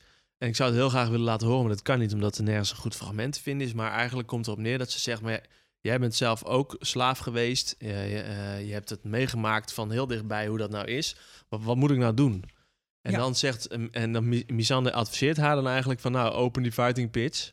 En eh, trouw met een van die, eh, met een van die zonen van de Harpij. En deal with it. en dat want- doet ze dan precies, ook. Dan, dan komen we eigenlijk aan in Marine in de tijd dat zij daar eh, de heerser moet zijn. En dan blijkt het lastig om Slavers Bay van inzicht te laten veranderen. En de Sons of the Harpy voeren in het geheim een steeds openlijkere rebellie. De vraag dringt zich op wat Danny eigenlijk wil met Marine en hoe goede leider ze eigenlijk is. En ondertussen zitten twee van haar draken opgesloten onder de grote, pi- grote piramide. En Ja, de derde, Drogon. Ze waren is stoot geweest. Sorry. En vlak Ja. voor de hel losbreekt, klopt de verbannen Jorah aan met een cadeau. Ja, die Sons of the Harpy, dat, dan heb je weer dat oude Giskaarse Rijk. Ja, en dat is de harpij. Dat is Ja, dat, dat de, de harpij van Gis, dat is een, eh, dat is een arend. En dat is eigenlijk het symbool van dat, eh, van dat oude rijk. En dat is een, eh, een arend met een vrouwengezicht. eh, met leren vleugels, of drakenvleugels zeggen sommigen. eh, met de benen van een adelaar en een staart van een schorpioen. En dat is ook dat masker wat je ziet. Ja, en dat is ook dat grote beeld wat op Wat, die van die, ja, wat ze op een gegeven moment vanaf gepleurd wordt, Ja. En, eh, nou ja, dat, en die Sons of the Harpy, dat zijn eigenlijk de zonen van het oude rijk, kun je, zou je kunnen ze- zeggen. En dat zijn al die mensen van die vooraanstaande families die graag willen dat eh, ja, die vechtkuilen weer open gaan. Ja. En daar gaat het natuurlijk heel mis mee, want we hebben het net al heel lang over gehad dat zij wil daar haar eigen visie nogal opleggen. En het is niet zo dat ze, ja, ze is nogal top-down daarin. Het is niet zo dat ze mensen laat meedenken erin of zo. En daar Nou, gaat het toch eh, een beetje mis. Is, want is, daar gaat is dat waar? Want eh, ze, ze heeft op een gegeven moment een soort council en er zitten verschillende mensen zitten, daar, eh, zitten daarin. Dus natuurlijk eh Jorah en Barristan Selmy zitten daarin, maar ook eh Grey Worm eh, zit in die council, Missandei zit daarin. en het boek ook een er- van de tot slaaf gemaakte eh, die dan vrij is gemaakt, Mossador, zit daarin. Dus dat is eigenlijk een vrij, eh, toch wel divers clubje mensen dat haar adviseert. In het boek is dat nog veel diverser. Heeft ze echt, Ja. eh, is Jordan trouwens helemaal niet. Maar zijn daar wel ook gewoon echt, heeft ze de, van alle grote families in de stad, heeft ze een soort van afvaardigingen om haar te adviseren. Maar ja, die zeggen de helft van de tijd, ja, eh, je moet het Dragon Pit openen. Die komen heel erg op voor die oude tradities. En die vertrouwt ze ook helemaal niet allemaal, wat ook logisch is. Want ja, Nou kijk, ik denk wat ik, dat ik wel begrijp wat je zegt, Sander. Maar volgens mij is de korte samenvatting ervan... is dat ze wel heel veel mensen heeft die ze haar, die ze haar laat adviseren... maar ze gewoon niet luistert. Ja, nee, maar zij oefent, zij oefent eigenlijk daar. eh, ze probeert daar te regeren. Ja, precies. Maar dat doet ze op een hele vreemde manier. Zoals wel meer hele elitaire mensen dat doen. Namelijk door eh, eigenlijk in de brede zin niet echt duidelijke beslissingen eh, eh, te nemen. En ook niet heel duidelijk beleid uit te zetten. Hè, ze heeft een paar onderpinnens van nou, dit doen we niet meer, dit doen we niet meer. Maar als er dan iemand met een totaal clandestien probleem langskomt, hè, van oh, een of andere Mijn draak heeft is mijn kind verbrand. Of eh, joh, ik was, een, ik was een tot slaaf gemaakte, maar nu Ja, ze reageert heel reactief, zijn. maar de lange termijn visie is... Totaal eh, niks. Ja, zij, eh, ze heeft ook niet echt, voldoet ook niet aan het advies wat nee, Tywin ooit geeft aan Tommen. Hè? Een wijze koning Ja. Kiest altijd, eh, Die weet altijd goed eh, dat hij naar advies moet luisteren Ja. en hoe hij dat kan interpreteren. En daar Ja, ook zijn en- eigen visie in weet eh, te En hoeft mengen. ook niet te zeggen dat hij de koning of de koningin is. Ja. Wat ze natuurlijk ook Oh ja, best wel vaak wel doet. Ja. Ik vond dit deel eigenlijk van het boek en ook van de serie vond ik eh, vervelend. Was ik, Ja. daar, was ik niet alleen in blijkbaar? nee, nee, ook in het boek. Maar Ik, herlezen doet altijd weer nieuwe dingen ontdekken. Dus Wat heb je geleerd? Eh, nou, allemaal een beetje. Er zit gewoon best wel veel meer in. Dus ook met die Sons of the Harpies. Met wat daar nou precies de reden voor is. Met de Honeyed Locust, wat in het boek Strong Bell was. Ja, ja, ja. Maar dit is zeg maar. Als er hier. Als het een show zou zijn. Als onze podcast over het boek zou, zijn, zou gaan. Zou ik hier heel veel dingen over kunnen vertellen. Maar het is gewoon te ingewikkeld om nu op in te gaan. Omdat het allemaal uit de serie is geschreven. Maar zeg maar alle spanningen van verschillende facties in die stad. Mensen uit Westeros die daar misschien toch nog Puppet Master zitten te spelen. Ja. Er gebeurt gewoon op de oppervlakte. Of eh, juist op de oppervlakte dan merk je dat niet. Maar als je gaat nadenken over alle verschillende families in die stad. En wie er dan achter zouden kunnen zitten. Is die politiek toch best wel interessant. Maar goed, dan moet je dus wel Vond, echt eh, Ik vind dat meer dus wel ook jammer dat ehm, dat is allemaal super interessant, maar dat wordt het dus niet zo gemaakt. En in het boek duurt dat ook. Ik vond het dus in het boek eigenlijk ook al te veel afstand, afstand Nee, je hebben vraagt van. gewoon heel de tijd af en die vraag gaan we het straks echt nog wel over hebben. Maar waarom? Waarom? Ja. Je hebt nu allemaal die Anciliet, ga gewoon, eh, ga, ga- steek gewoon Gewoon over. door. Ja, en dit Ja. is natuurlijk een beetje. Het ligt niet op de route. Huren, ja, ga naar de pont. Ja. nou, ja, we, zullen, we komen er zo Daar nog komen op we straks ook nog wel op. Ja. Maar Nee, maar ik denk dat het wel dat het heel illustratief is voor wie ze is en veel over haar vertelt. En eh, dat ze gewoon, ja, ze is nog heel jong, ze is nog heel erg aan het ontdekken eh, wie ze wil zijn in deze wereld. De, Ja, Hoe de en ze draken leert- werken. Ze leert steeds meer, omdat ze met, Sel met Bears en Selmy is, leert ze ook meer over de vader. Over de Mad King. En over de Ze broer. leert over, dingen over de, ze weet, ze kent haar broer. Ze reflecteert op het feit dat hij best wel crazy was. Dus op zich vind ik het niet een gekke gedachte. Dat ze denkt, ja, ik kan daar wel heen. Op een gegeven moment realiseert ze zich gewoon. Ja, ik kan, straks kom ik in Westeros aan. Ik ben fucking jong. dan? Ik kom met een niet-Westerosi leger. En dan moet ik opeens zeggen, ik ben de allerbeste koning ever. Neem mij als jullie queen. Dus op zich vind ik het heel slim dat ze denkt, ja, laat ik me eerst maar even bewijzen. Even stage lopen in Marine. maar Ja, Ja. precies. Gewoon werkplek leren. Alleen, competenties ontwikkelen. Fokt het Ja. gewoon heel erg op. En dat komt tuurlijk door haar eh, stijl. Maar dat komt ook omdat ze in een fucking wespennest belangt. Waar ze helemaal Ja. niks weet van de geschiedenis. Van wie daar de, de serieus wordt genomen, wie niet. Dus ja, het is ook niet de ideale oefensituatie. Het blijkt dus in ieder geval moeilijk voor Danny om al die verschillende belangen in de stad tegen elkaar af te wegen. Ze maakt er ook verkeerde beslissingen in. Als ze bijvoorbeeld haar adviseur Mossador laat onthoofden voor een hele groep met mensen die vervolgens slangengeluiden gaan maken. Mm. En het, een van de grootste momenten is natuurlijk als eh Hisdar Zolorak binnenkomt in de troonzaal en haar vraagt om de fighting pits weer te heropenen. En ook haar eh, gehuwde wil worden. Ja, vraagt hij dat? Ja, nou, hij dat- zegt wel van het is misschien is het handig om eh, de verbindenis tussen onze stad en tussen jou en onze stad te bezegelen. Inderdaad. Ja, in, in de serie zegt zij zelf volgens mij van wij gaan trouwen. Maar eh, in het boek Goed, een uiteindelijk eh, anders. sluit ze hem eerst op. Precies. En dan zegt Misanda, je moet toch trouwen en open die ve- vechtkuilen nu maar. Nou, Ja. dan eh, had ze op de huwelijk, wordt de vechtkuilen geopend. En dan is de shit aan. Dan is Want dan shit wordt aan. iedereen daar neergestoken door in zijn flikker eh, door Jan en Alleman. En eh, wordt Daenerys gered door Drogon. Ja. En Drogon uit. Want Drogon was kwijt, maar Drogon komt dan ineens aanvliegen. Ja, als zij een soort met haar ogen zo... woe- Ja. Hij voelt dat zij in Force. nood is. Ja, Maar wat wel interessant is, dat dit weer een soort van omslagpunt in het omslagpunt van de draken is. Want Drogon is dus al de hele tijd een beetje aan het puberen, zeg maar. ja, en de andere twee draken zitten onder de stad opgesloten. Omdat ze zij erachter komt eh, dat dus die draken kinderen doodmaken en eten. En Ja. schapen en kinderen en ook misschien wel volwassen mensen als ze het kans krijgen. Ja. Maar je ziet hier dus, dat vind ik heel interessant en dat zit nog veel meer in de boeken dan in de serie. Maar dat zij hier heel erg gaat twijfelen aan ook haar kunde als Targaryen en als drakenmoeder. Want ja, zij heeft die draken gekregen. Ehm, je ziet ook in de woestijn dan dat ze geen flauw idee heeft wat ze die draken moet voeren. Helemaal in het begin. Ehm, en het, eigenlijk het enige wat ze die draken kan bevelen is Dracarys. Ja. en ja, je zou toch... Je, je vraagt je een beetje af, hoe ging dit nou bij de andere Ja. Targaryens? Die hebben volgens mij ook ooit besloten om de draken dan alleen nog maar zeg te houden in de Ja. eh, ik denk in dat daar ook- Landing. Om Check te, out my dragon pit. Ik denk dat ze in die tijd nog wel een soort van opleiding hadden. ja, is dat Wat zo? zing je nou? Zit jij nou. Shakira te zingen? Maar staat daar niks over in dat historyboek? Hips don't lie. Eh, volgens mij is het wel zo dat er een soort van Dragon Masters waren. En ze werden toen in de zomer... Oh nee, Dragon Pit, ja, was het. Mhm. Ja, er er was een plek waar die draken dan leefden. En, maar ja, ze waren aan de andere kant... Ze werden een ook- soort geïmprint, hè? Als je het over even de Twilight eh, hebt. Nee, Ja, maar dat was zeg het maar, eh, Rider. er was, werd een soort van op. gekoppeld of zo.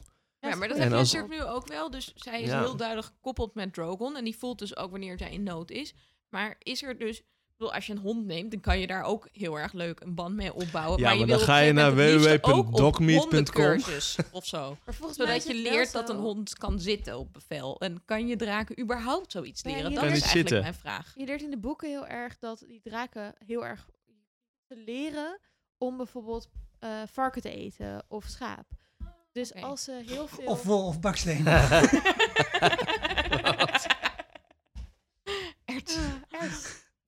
Ja. Je kunt ze van alles leren. maar eh, als je dat dus doet, De witte kolonisten van zolang je draken zelf goed voedt, gaan ze ook niet op zoek, zoals Drogon, naar kinderen of Ja. mensen.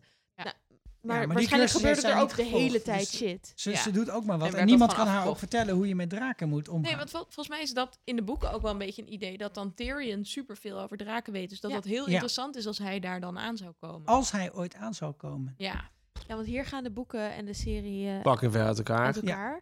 Nou, de op- boeken houden hier eigenlijk op, Ja. voorlopig. Bedoel, En het, eh, wachten nog op dit punt is Tyrion is vlakbij Marine. Ja. Die is met een huurlingenleger, eh, waar hij zich heeft ingeschreven met bloed, is hij daar naartoe onderweg. Eh, in de serie is hij al bij haar, want Jorah heeft namelijk een eh, cadeautje meegenomen. Ja. Deze eh, even Eerst worden ze zelf nog even slaaf. Jorah was een tijdje gebanished, omdat hij eh, in het verleden eh, heeft ge- gespioneerd en dingen heeft doorgespeeld aan Robert Baratheon, wat haar bijna haar leven heeft gekost. En daarom is hij ook banished eh, uit Marine. Zij komen ook nog eventjes snel door eh, Valyria heen. Tyrion en Jorah komen daar Drogon nog tegen. Nee, dat is... eh, dat is Wel, dat is veel eerder. Maar ze zeilen In inderdaad de door. Valyria heen. Maar dat en is niet door Valeria, hoor. Zeker wel. zeggen ze wel. Dan de komen ze ze tegen. het. Ze komen die Oké, nou, Stonemen. dat is de, de, Roy, de Rhinish... eh, d- ja, in Nee, ieder dat is geval in in het de- boek zeker op een andere Ja. plek, maar in de serie Hey, maar eigenlijk, Valyria. lang verhaal kort. Eh, zij zegt met die draken, ja, toch? Dan gaat Tyrion met Varys daar een beetje eh, probe- ook proberen te regeren. Dan lijkt het hun wel te lukken, maar het lukt het toch niet. Nee, En uiteindelijk lukt het wel omdat eh Daenerys terugkomt met Drogon, omdat hij dan weer genezen is van alle eh, keren dat hij in zijn flik is gestoken. ex machina. Drogon ex machina. Maar tegelijkertijd staan ook allemaal boten voor de deur met eh, brandende blijden op een boot. Dan Ja. denken ze, later. Lady Alligator. En die worden helemaal de flikker ingebrand. Ja. Nieuw. En dan worden er eigenlijk in recordtempo in de serie dan in ieder geval worden de allianties gesmeed, namelijk met, Doorn. met Doorn en met Yara. Oh van, ja. eh, ja, de Iron Islands. Ja, vergeet Iron- die niet. Zout en zwavel. En eh, natuurlijk met, eh, naast Doorn ook nog met Olenna. Oh ja, Oh met, ja, met de Tyrell. Highgarden. Tyrell. Nice. En dan staan we aan het einde van seizoen 6. Juist. Staan we op, het, eh, ja, op een gegarandeerde winst. Voor Daenerys Stormborn, First of Her Name, Queen of the Andals. Et cetera, et cetera. En maar dan, dan, begint seizoen 7. komt ze op Dragonstone. En dan ga- begint, ze weer, begint het weer helemaal opnieuw, hè? Ze gaat Ja. allemaal shit proberen te veroveren. Het lukt niet. De laatste twee Punt. seizoenen. Dat is seizoen 7. En, ze ontmoet John. En ze ontmoet John. Ja, highlight. John. Is dat een highlight? Gedonder, Nee. gedonder in het veronder. Ik vind alles met John leuk. Dus. Ja, dat is waar. Want dan komen we aan op de laatste locatie, laten we het zomaar zien, Ja, van de reis van Daenerys. En dat is als zij in Westeros is. En eigenlijk gaan we hier zo snel van hot naar her, van Dragonstone naar de Wall, naar de Fields Castle Rock. naar Castle Rock, naar King's Landing, dat het ook eigenlijk bijna niet meer bij te houden is. Nee. Wat er allemaal gebeurt. En zeker omdat er nog steeds niet weinig mensen doodgaan. Het Luister belangrijkste- onze podcast erover. Het belangrijkste zeven. wat er gebeurt als Danny in Westeros is, is dat ze eigenlijk een grote transformatie doormaakt van de persoon die ze is in Essos en de persoon die ze is in Westeros. Namelijk een Mad Queen. En de vraag is natuurlijk van heel veel van jullie, van onze luisteraars, Ja, was dit nou te voorkomen geweest of niet? Nou, wij kennen in ieder geval één bron die daar al het een en ander over te zeggen had en dat is Cersei Lannister. It's what Jamie and I would say to each other in our moments of doubt. It's what I told Ned Stark when he was stupid enough to confront me. Half the Targaryens went mad, didn't they? What's the saying? Every time a Targaryen is born, the gods flip a coin. Want net zoals het genetisch bepaald is of je wel of niet op een draak kan rijden, blijkt Ja. het ook genetisch bepaald te zijn bij de Targaryens of je een mafketel bent. ik, over, een maf, hey, over een mafketel gesproken vond ik wel een coole vraag van Thomas Dolman. Nou, In hoeverre lijkt Daenerys op Donald Trump? Niet. ja, nou ja. Niet, hè? Nee. Ik zat wel het, het te herkijken en toen dacht ik... Cersei lijkt wel fucking veel op Donald Trump. En toen kwam ik laatst op internet ook zo'n quiz tegen van... eh, heeft Cersei dit gezegd of heeft Donald Trump dit gezegd? En jij had er één fout, toch? Ik had er maar eentje fout. Het zijn tien vragen. Het is echt best wel af en toe moeilijk. dat je Ja, maar nou, Cersei zit ook altijd buitenlanders te bashen. En eh weet ik... Ja, maar Oké, serieus. Goed, punt. You can never be too greedy. Wie zegt het? Cersei of Donald Trump? Ja, Trump. Grab hem eh, somewhere else, zou ik zeggen. Jij zegt Trump? Cersei. Trump. Trump. Het was Cersei. Oh, wow.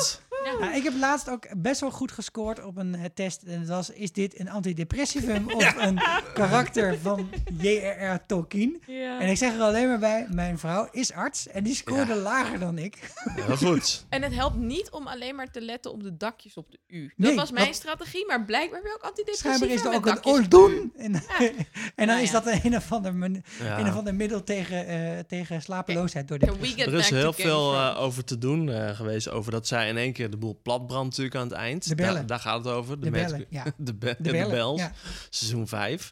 En nou ja, de vraag is, wat vinden wij ervan eigenlijk, toch? Ja, en de vraag eh, de- die er eh, eh, die een beetje, beetje doorheen zijpelt is ook van, eh, gaat dit in het boek ook gebeuren? Ja. Esther, wat denk jij? Ik vind het heel stom dat het gebeurt in de serie. Ik vind het slecht geschreven. Ik Ja, maar dat is Goed, het. Kijk, we hebben, net, we hebben net deze seizoenen allemaal besproken. de- Deze aflevering allemaal besproken. Volgens mij rent ik er ook over in die aflevering. Ja. Maar Meerdere malen. Nou, niet gemerkt hoor, nee. nee, die omslag is gewoon raar. En eh, eh, als je het filmpje hoort van eh, de schrijvers die dan zeggen... Ja, opeens... eh, nou, ik, ik kan niet eens meer voor de geest halen. Ik heb het verdrongen, Het maar probleem wat is zij gewoon... als reden ja. geven is ook echt... Het grote, het grote probleem is gewoon dat ze in de boeken bouwt het zich een beetje op. Hè? En dan zie je in haar gedachten ook steeds meer een beetje doorheen zijpelen. Dat ze toch eh, misschien eh, ze niet allemaal op een rij heeft. Of dat die, ja, dat die munt in het begin nog op zijn kant staat. Dat we nog niet weten welke kant die op gaat vallen van Cersei. Maar in, het, in de serie gaat het gewoon mis. Omdat ze haar dat nooit hebben laten lezen wat er in het eind gebeurt. Nee, maar dat, vind- dat wist ze pas aan het begin van Oh, seizoen bedoelt, 8. eh, Emilia Clarke. Ja. Ja, ze heeft er niet Dus echt op kunnen Ze heeft er acteren. niet Nee. echt op kunnen acteren. Dat af en toe al een beetje erin zat. Dat ze toch een beetje cray-cray zou ik- moeten zijn. Ik vraag me af of het in de boeken zo gaat gebeuren. Ik ook. Ik weet het maar- niet. En ik zie ook wel trouwens, je ziet ook in seizoen 3 en 4 dat ze bijvoorbeeld heel erg geniet van mensen in de fik steken. En nou vind ik dat je echt best wel terecht mag genieten van slaven-eigenaren in de fik steken. Maar dat, dat is wel ook als acteur, Ja. denk ik, dat je dan wel door hebt van oké, er zit ook een, een, een, een eh, duisterder kant aan dit personage. Dus dat vind ik eigenlijk niet zo'n probleem. Ehm, en ook als je alle momenten achter elkaar zet, ehm, je kan op YouTube gewoon kijken van eh Daenerys Descent into Madness of zo. en dan heb je alles achter elkaar en denk je, ja, het is ook echt wel vrij veel wat ze te verwerken krijgt. Ja, maar het is ook wel Alleen zo. Is het wel, ja, zitten er te veel andere dingen doorheen, waardoor het met net ook, en dat is ook een hele is. normale jongen geworden. hè? nee. Oké, dit is wat ik denk wat er gaat gebeuren in de boeken. Namelijk, in de boeken heb je nog iemand waar we het helemaal niet over hebben gehad nu. Dat is een andere Targaryen. Een jongen die ook door Illyrio soort van is verstopt. Eh, eh, die, die ook niet in Westeros is geweest, maar die, die soort van wordt gezien als... Volgens mij is het... Het verhaal is dat dit de baby is die eh, de Mountain doodgemaakt zou Ja, dus het is hebben. het kind van Rhaegar. Het kind Ja. van de broer van Danny. Ja. Dus als hij koning geweest zou zijn, zou dit dan zijn troonopvolger geweest zijn. Dus het is best wel een competitor van Danny. Dus, dus Illyrio Deze- is eigenlijk in heel Westeros en Essos paas-Eggons verstopt. nou ja, hij heeft dus en Daenerys en Dit Viserion. is toch zeg maar van- Prins Harry. Als in, dit is Queen Elizabeth is ja, aan het regeren. ja. Charles is nog niet van. op de troon. Eh, William is dan, en dan gaat dus, Charles gaat dood. En als dan William En hij woont in Canada. Maar wat het ja. verhaal gaat zijn in het Nee, boek, nee, dat nee. eh, doet... eh, Oh, dit is... Sowieso is het een bastaard nu, hè? Want het, want het eh, huwelijk tussen Rhaegar en Elia is natuurlijk ge- geannuleerd of eh, weet ik veel, kwijtgescholden. Hoe noem je dat? En toen is hij met eh. Lyanna getrouwd, toch? Ja. Ja, officieel wel, Officieel ja. wel. Dus dat zou het boek ook nog mee kunnen als weten dat hij sowieso dubbel nep is. legit- Ja, precies. Ja, want heel veel mensen denken, vermoeden dat het niet echt die zoon is. Maar dat het een, eh, misschien wel een Targaryen is, maar een andere bloedlijn. Nou, ja, ook allemaal heel ingewikkeld. In ieder geval, in de boeken is hij al samen met een heel leger, met de Golden Company, in Westeros aangekomen. Gaan zij Storm's End veroveren, Ja. het kasteel van, van Stannis. Met John En Connington. zou het dus zo zijn, terwijl Danny nog in Marine zit. Ik denk dat Danny straks ook naar Westeros gaat. Maar dat die Aegon, of fake Aegon, het gras voor haar voeten gaat hebben weggemaaid. En namelijk al allemaal, eh, al die, die, die huizen die de Lannisters haten. Dat die zich allemaal Ja. straks achter Aegon gaan scharen. Hij al allemaal gebieden heeft veroverd. En Ferris maakt ook allemaal mensen dood, hè, in King's Landing. Varys is allemaal Lannisters Ja, aan het die is vermoorden. Die heeft Kevin Lannister vermoord. Want die zei, weet je, Cersei moet Nee, weer gaan rulen hier. Kevin. want Cersei moet weer gaan rulen, want die brengt lekker alles in chaos. En we willen alles in chaos. Dus Varys is een beetje zo chaos aan het verspreiden. En dan krijgen we de others in het noord. En misschien dat Danny dan denkt, als ik ga helpen met de others... Oh, ik denk, misschien waar dat heb je nou iedereen dan slangen? wel... Nee. de others. De others. De, other, de De andere. others, dus de, de whites, de, de, de, Ja, ja. de Zijn ze afgelopen maanden steeds meer slangen ook naar binnen getrokken bij mensen in hun huis, hè? Ja, in Oh, Amsterdam. ja. Vanwege Ja. corona. Anyway, In bed Goed, zijn ze bij mensen gaan liggen. dan ja, daar helpen, John ontmoet, bla bla bla. En dan misschien dat ze dan uiteindelijk tegen haar broer gaat strijden. Wat ook een volgende Dance of the Dragons oplevert. Die verwijzing waar ik het in het begin over had. Ja, Naar haar eerdere leuk. Voormoeder Daenerys. En dat dat soort van uiteindelijk haar misschien wel gek gaat maken. Dat, dat hij haar een draak van haar steelt. Want hij kan misschien ook wel op draken rijden. I Ja, don't want know. het, Ja. Nou ja, het coole is, zij heeft natuurlijk die drie draken als wapen. Maar het lijkt er ook misschien wel op alsof Varys en Illyrio eigenlijk liever een Targaryen zonder draken op de troon hebben. Want die kunnen ze natuurlijk veel makkelijker bespelen. Ja. Ja. En in die zin is Aegon echt een veel Ja, logischer... maar het grote gevaar is natuurlijk dat zodra je een... eh, je hebt een Targaryen op de troon, waarvan een beetje de vraag is, is het een echte Targaryen? Maar hij heeft wel veel volgers.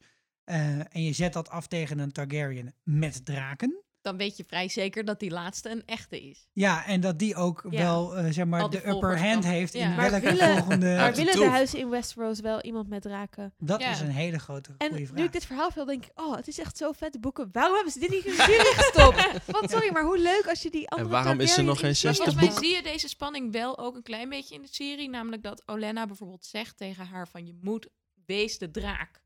Be the dragon you want to be in the world. Ja. Weet je? Een beetje.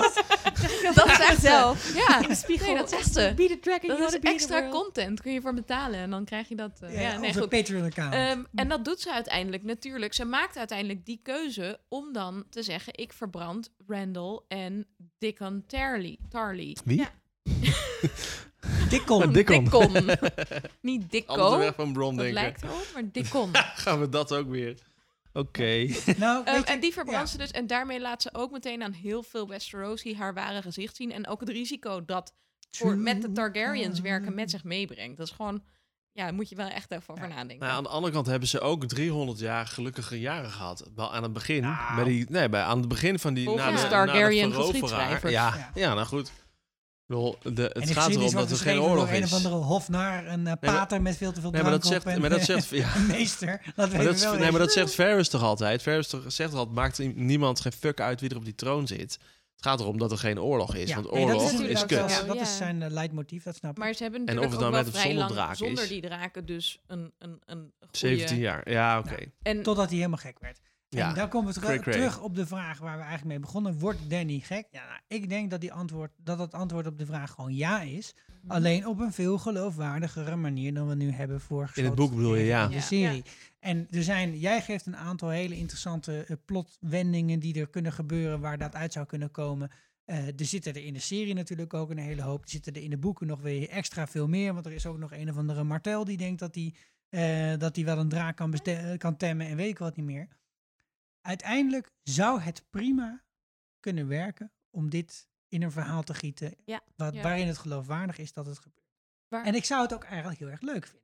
Hm, ik Ik zou er helemaal geen enkel probleem mee hebben Maar als het zo wat ik wel hoop, stel dat het ook zo eindigt met dus dat John uiteindelijk dan Daenerys vermoordt. Ja, Dan want- hoop ik eigenlijk ook dat John daar wel ehm, een ergere consequentie van draagt. Dus zij sterft gewoon en hij gaat lekker chillen bij de wal waar het lekker Ja. koud, een beetje doen met zijn bros. Ja. En dat is dat, dat wringt. En? en? En dat is ook, vind hond. ik, niet heel George R. R. Martin-achtig, omdat je daar toch veel meer hebt dat. Ik denk sowieso veel meer die poëtische symmetrie van. Je hebt Ice and Fire en aan het einde zijn ze dan allebei weg eigenlijk, John en Danny. Ja. Dus in die zin denk ik dat het daar misschien nog wel anders kan eindigen. Eens. Ja. Ja. Ja, hoe Nou, dat toch? zich allemaal gaat. Ook met hoe Cersei en Jamie doodgaan. En ik denk Check. dat... Maar het zal op de grote lijnen wel zo gaan. maar met veel meer nuance en veel interessanter. Ja, en met veel mooiere plot en met veel mooiere plotlijnen, met veel Ja. leukere dialogen en veel spannender, eh, eh, een veel, veel spannender verhaal dan we nu hebben gezien. Ik ben ook wel heel benieuwd hoe al die andere partijen erin mee gaan spelen. Hoe Euron, Vazer, eh hoe heet die andere dude ook alweer? Ja, die, die andere Greyjoy. Quinton Martel. Oh ja, Cro- nee, eh, die halve blinde. Die halve blinde, nou, hoe die er Euron. ook allemaal in mee Nee. Euron en die andere Victarion. Victarion, die bedoelde ik. Ja, en dat hoe, net. De luisteraars hebben dat verstond ik niet.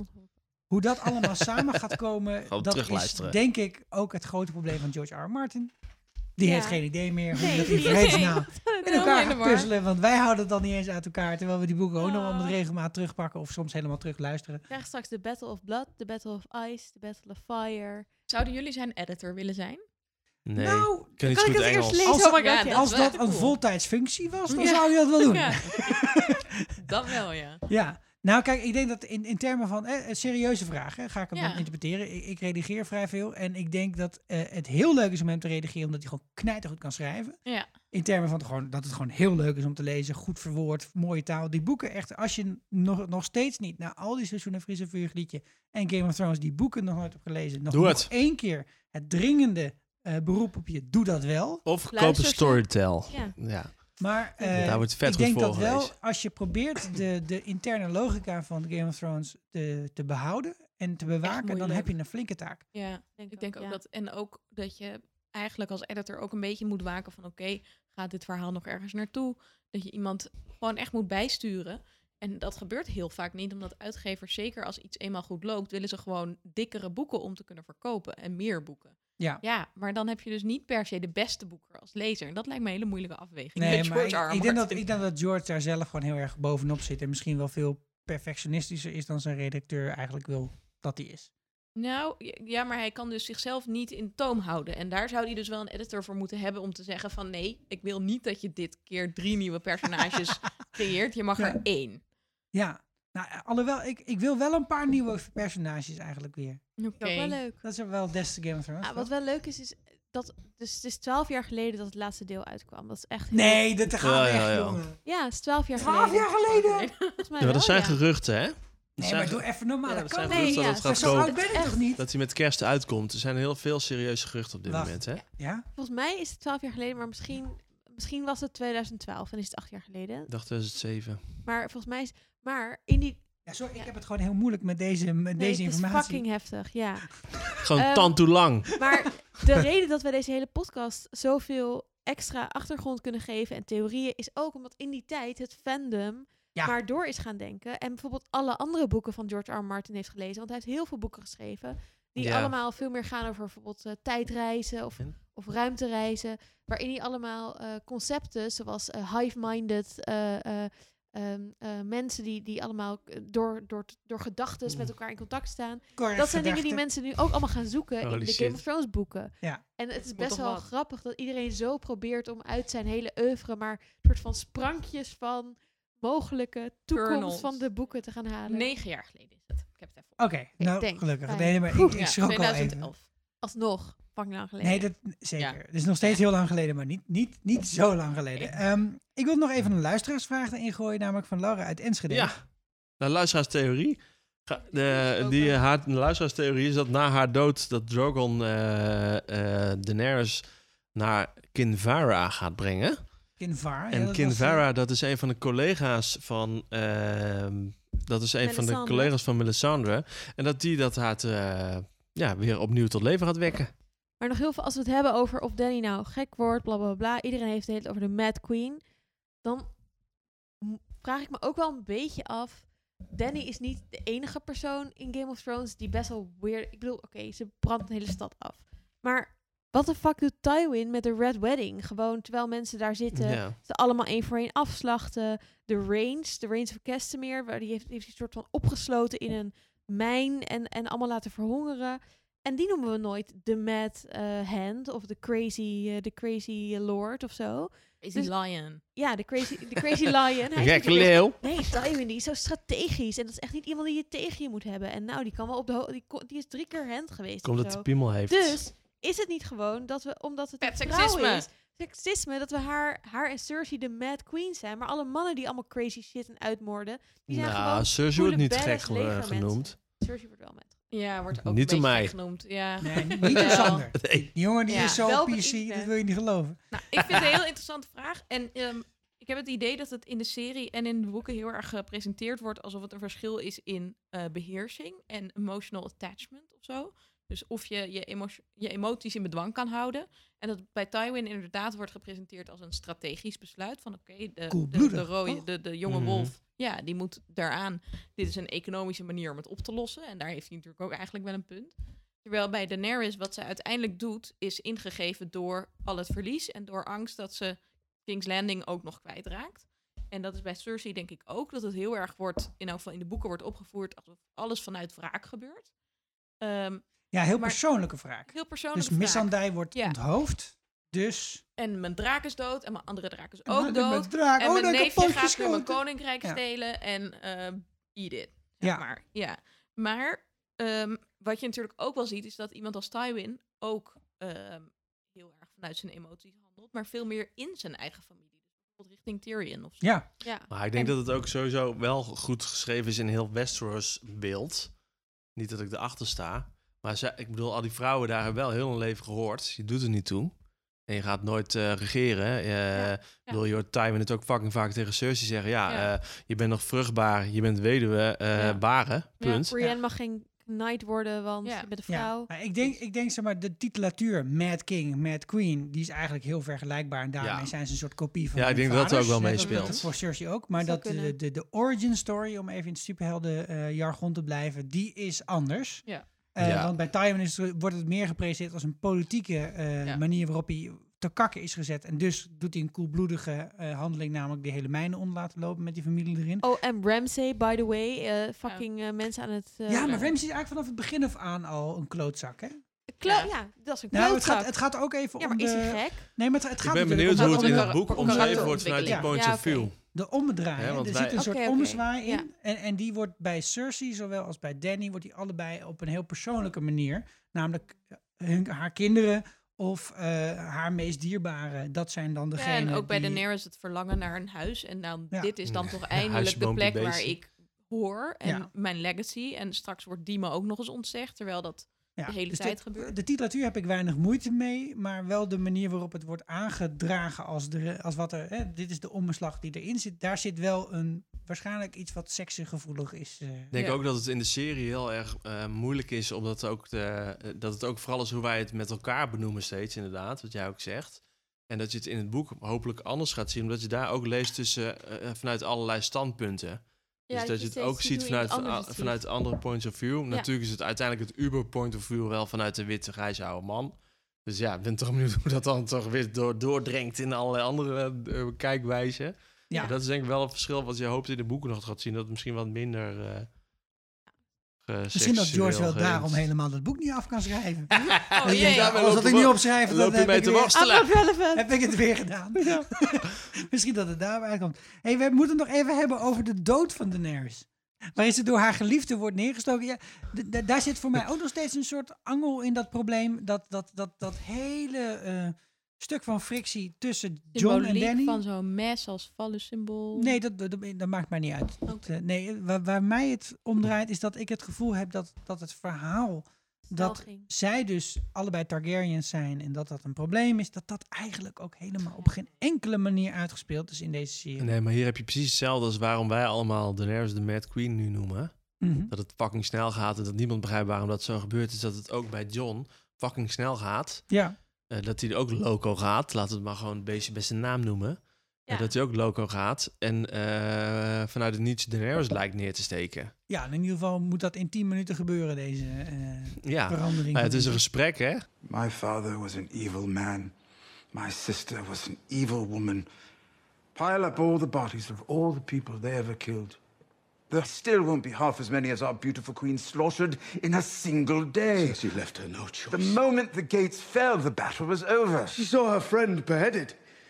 She saw her dragon shot out of the sky. And she burned down a city for it. Ja, het was een gesprek van 10 minuten. Ja. Het beste gesprek uit de hele laatste seizoen. Ja, denk ik. we waren wel weer blij dat Game of Thrones vlak voor het einde weer helemaal terug was. Ja, maar het was geloofwaardig. Eigenlijk door de acteerprestatie van twee mensen. Ja. Dat hij dat deed. Maar eigenlijk Kit was Harington. Ook, ook daar was, werd weinig politiek uitgespeeld. Er werd weinig emotie Nee. uitgespeeld. Ja. De chemie tussen die twee was eh, al eh, seizoenenlang eh, totaal matig. Het was En- ook heel raar dat ze in seizoen 7 één keer gingen bangen en daarna nog wel een keertje op die draken door de lucht gingen. Verschoning. Ja, maar het Ja. was, het was daarnaast, daarna, er was ook niks meer. Nee, Waar verdwenen die gevoelens, die stomende gevoelens van passie ineens naartoe? nee. Ja, het is niet dat ze even samen in een grot zijn eh, geweest. Ja, dat is dat het hadden ze moeten doen. Ingrid. Dat hadden Ze ze zijn moeten- toch wel, je ziet toch ergens Even een god flauw. dan?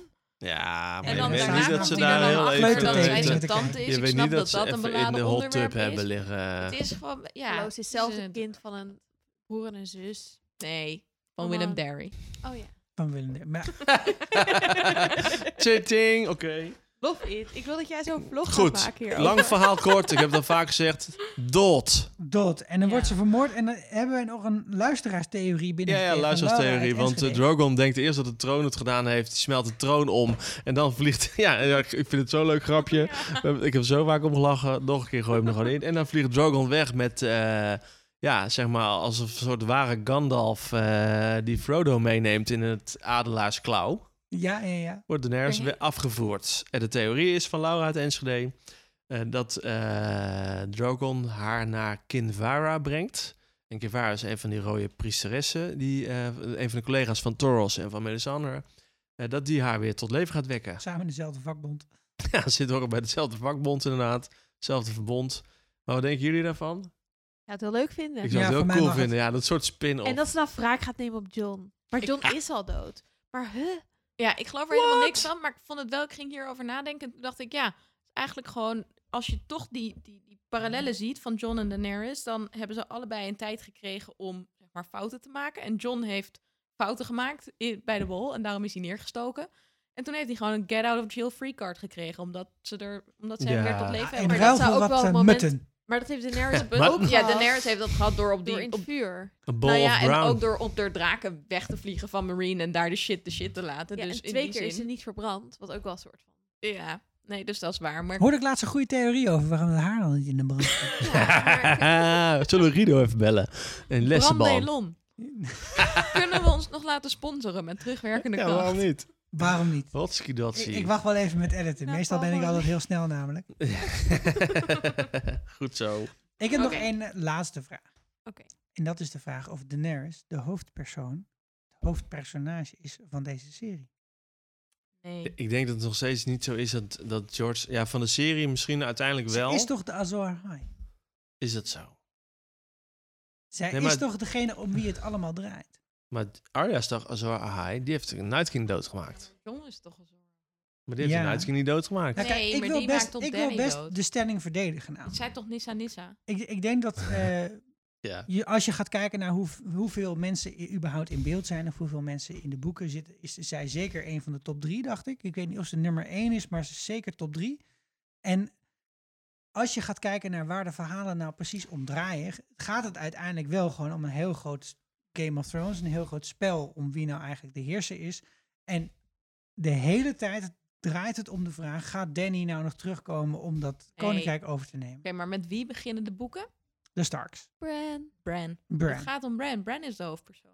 Ik denk dat George R. R. Martin geen hoofdpersoon heeft geschreven. Daar hebben we het al heel vaak over gehad. Dat is, dat is het hele probleem waarom mensen het soms moeilijk vinden te verkroppen dat iedereen zo wordt afgeslacht. Dat lijkt dat Stark heel belangrijk is en dan boom, Ja. Bale, de Sept of Nee, als je alleen het eerste boek zou lezen, zou je zeggen van net, net was de hoofdpersoon. Nee, maar eh, net was net niet het hoofd zonder hoofdpersoon. Maar eh, en in de serie, ja. Als, als iemand de hoofdpersoon is, als het gaat om Ice and Fire, dan is het John. Want Daenerys is de slechterik aan het eind, zou je dan zomaar kunnen zeggen. En John is het Als- allebei, want hij is en Ice Ja, en Fire. En John is het allebei. Maar vanuit, als je kijkt naar hoe het geschreven is, denk ik het niet, omdat dat niet, omdat George Maar R. R. Martin zo het niet kan ook schrijft. Bran zijn omdat Bran in die tree, zeg maar, al die point of views kan kijken. Ja, hij is snap je? Magumba. Dus hij is eigenlijk... Ik, snap Ja, maar de het is wat je verstaat Wist onder je de niet wie. Magumba is? Nee, Magumba. Ja, Magumba? Dat de wereld... Remember Old Man. Ja. Ja. Zullen we er even naar Maar luisteren? Zullen we er even naar luisteren? Ja, we doen er even in.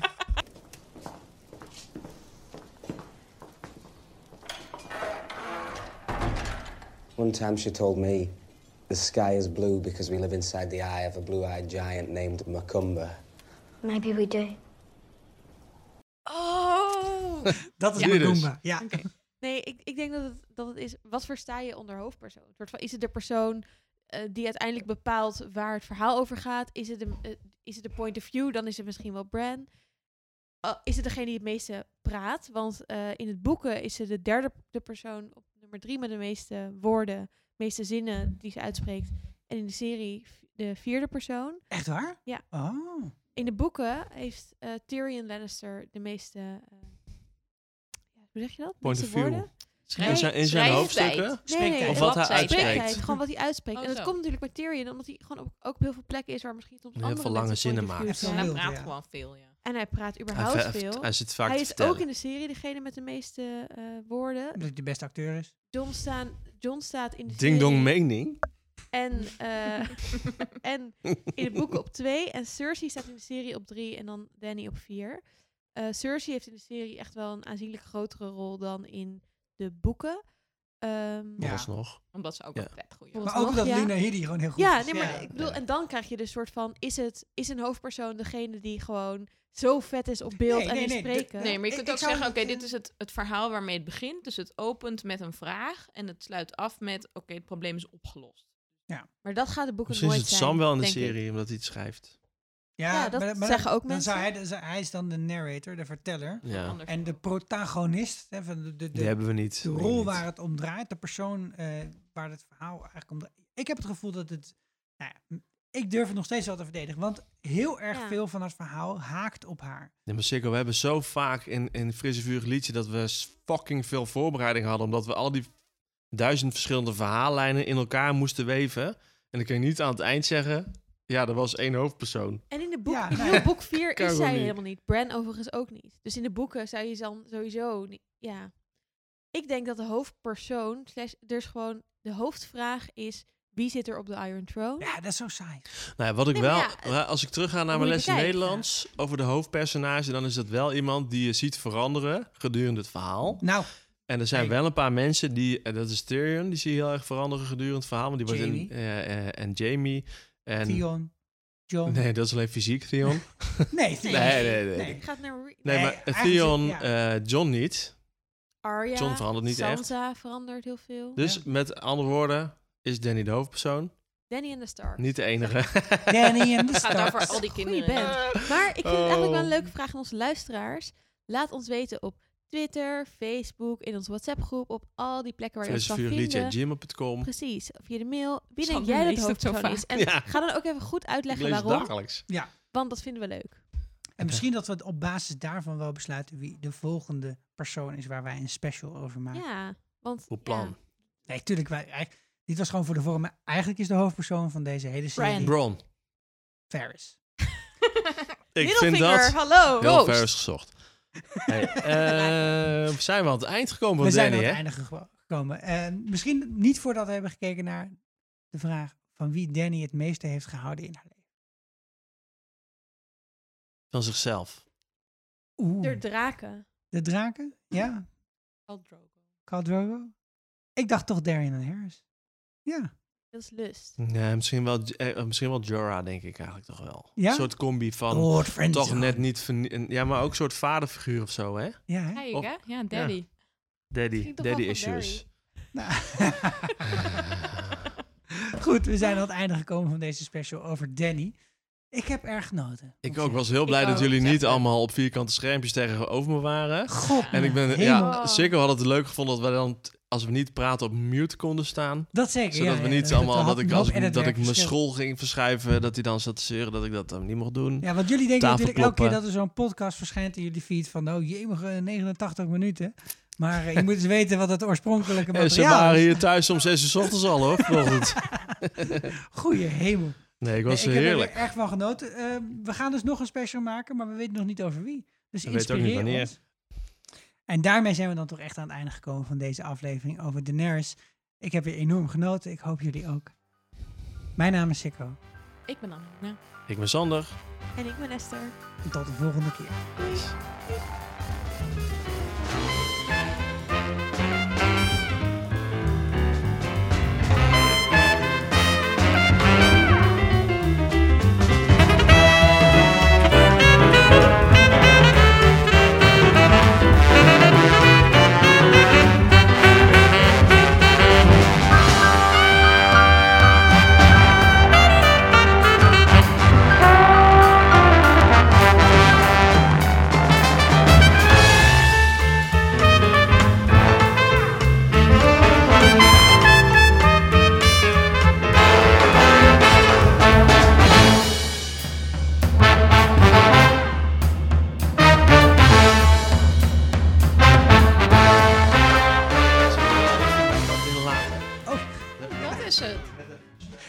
Wat? Nee, ik had... nee, mijn kaak viel uit mijn eh gewricht. Oké. Heb ik normaal gesproken alleen maar tijdens het beffen. Wat was het ook weer? Je zei de hele tijd het woord verkeerd. Professie. Nee, nee, nee, nee, nee. nee. Chromosoom. Ja, Ja. chromosoom. Ja, Chromosoom. chromosoom. Ja, ik heb altijd heel erg last. Het, het is, het, het is een een chromodoctorale overerving. Daarom drink ik niet, hè? Ik heb één biertje op jouw cue. Ja, ja, Ik, ook was daar, ik wa- was jouw voorhoofd aan het kijken. Jongens, ik vind echt dat we die ingestudeerde bloopers een beetje moeten laten. Dit is gewoon, het is een beetje nep. Niemand vond het juist dit. leuk om door te We gaan. krijgen er ook veel mails over. Hm. Ja, oh, ik heb niet eens gekeken. Die mail. Goed. En als ik zo praat, is Dat dan ook wel eens, eh, dat goed? hebben we ook wel Moet ik eens nog meer op Esther's in, de- in, de, voorhoofd in de bloepers gehoord. Je ligt Nee, lekker op mijn ik voorhoofd moet- ik allemaal. moet Mijn zwaffelzone op Esther's voorhoofd. Ik niet, Jij denk niet. ik. En nu? Hoi. Mis je ook zo erg de festivals deze zomer? Ja, maar op 18 en 19 september kun je naar het podcastfestival. Is dat weer zo'n online festival? Het is ook online, maar je kunt er ook live bij zijn. En wat is er dan te doen? Panels, live shows, presentaties, van alles rondom podcast. Leuk. En dan moet ik zeker weer naar Amsterdam. Nee, je kan ook naar Nijmegen, Groningen, Utrecht en ja, het festival is ook in Amsterdam. En waar vind ik meer informatie? Podcastfestival.nl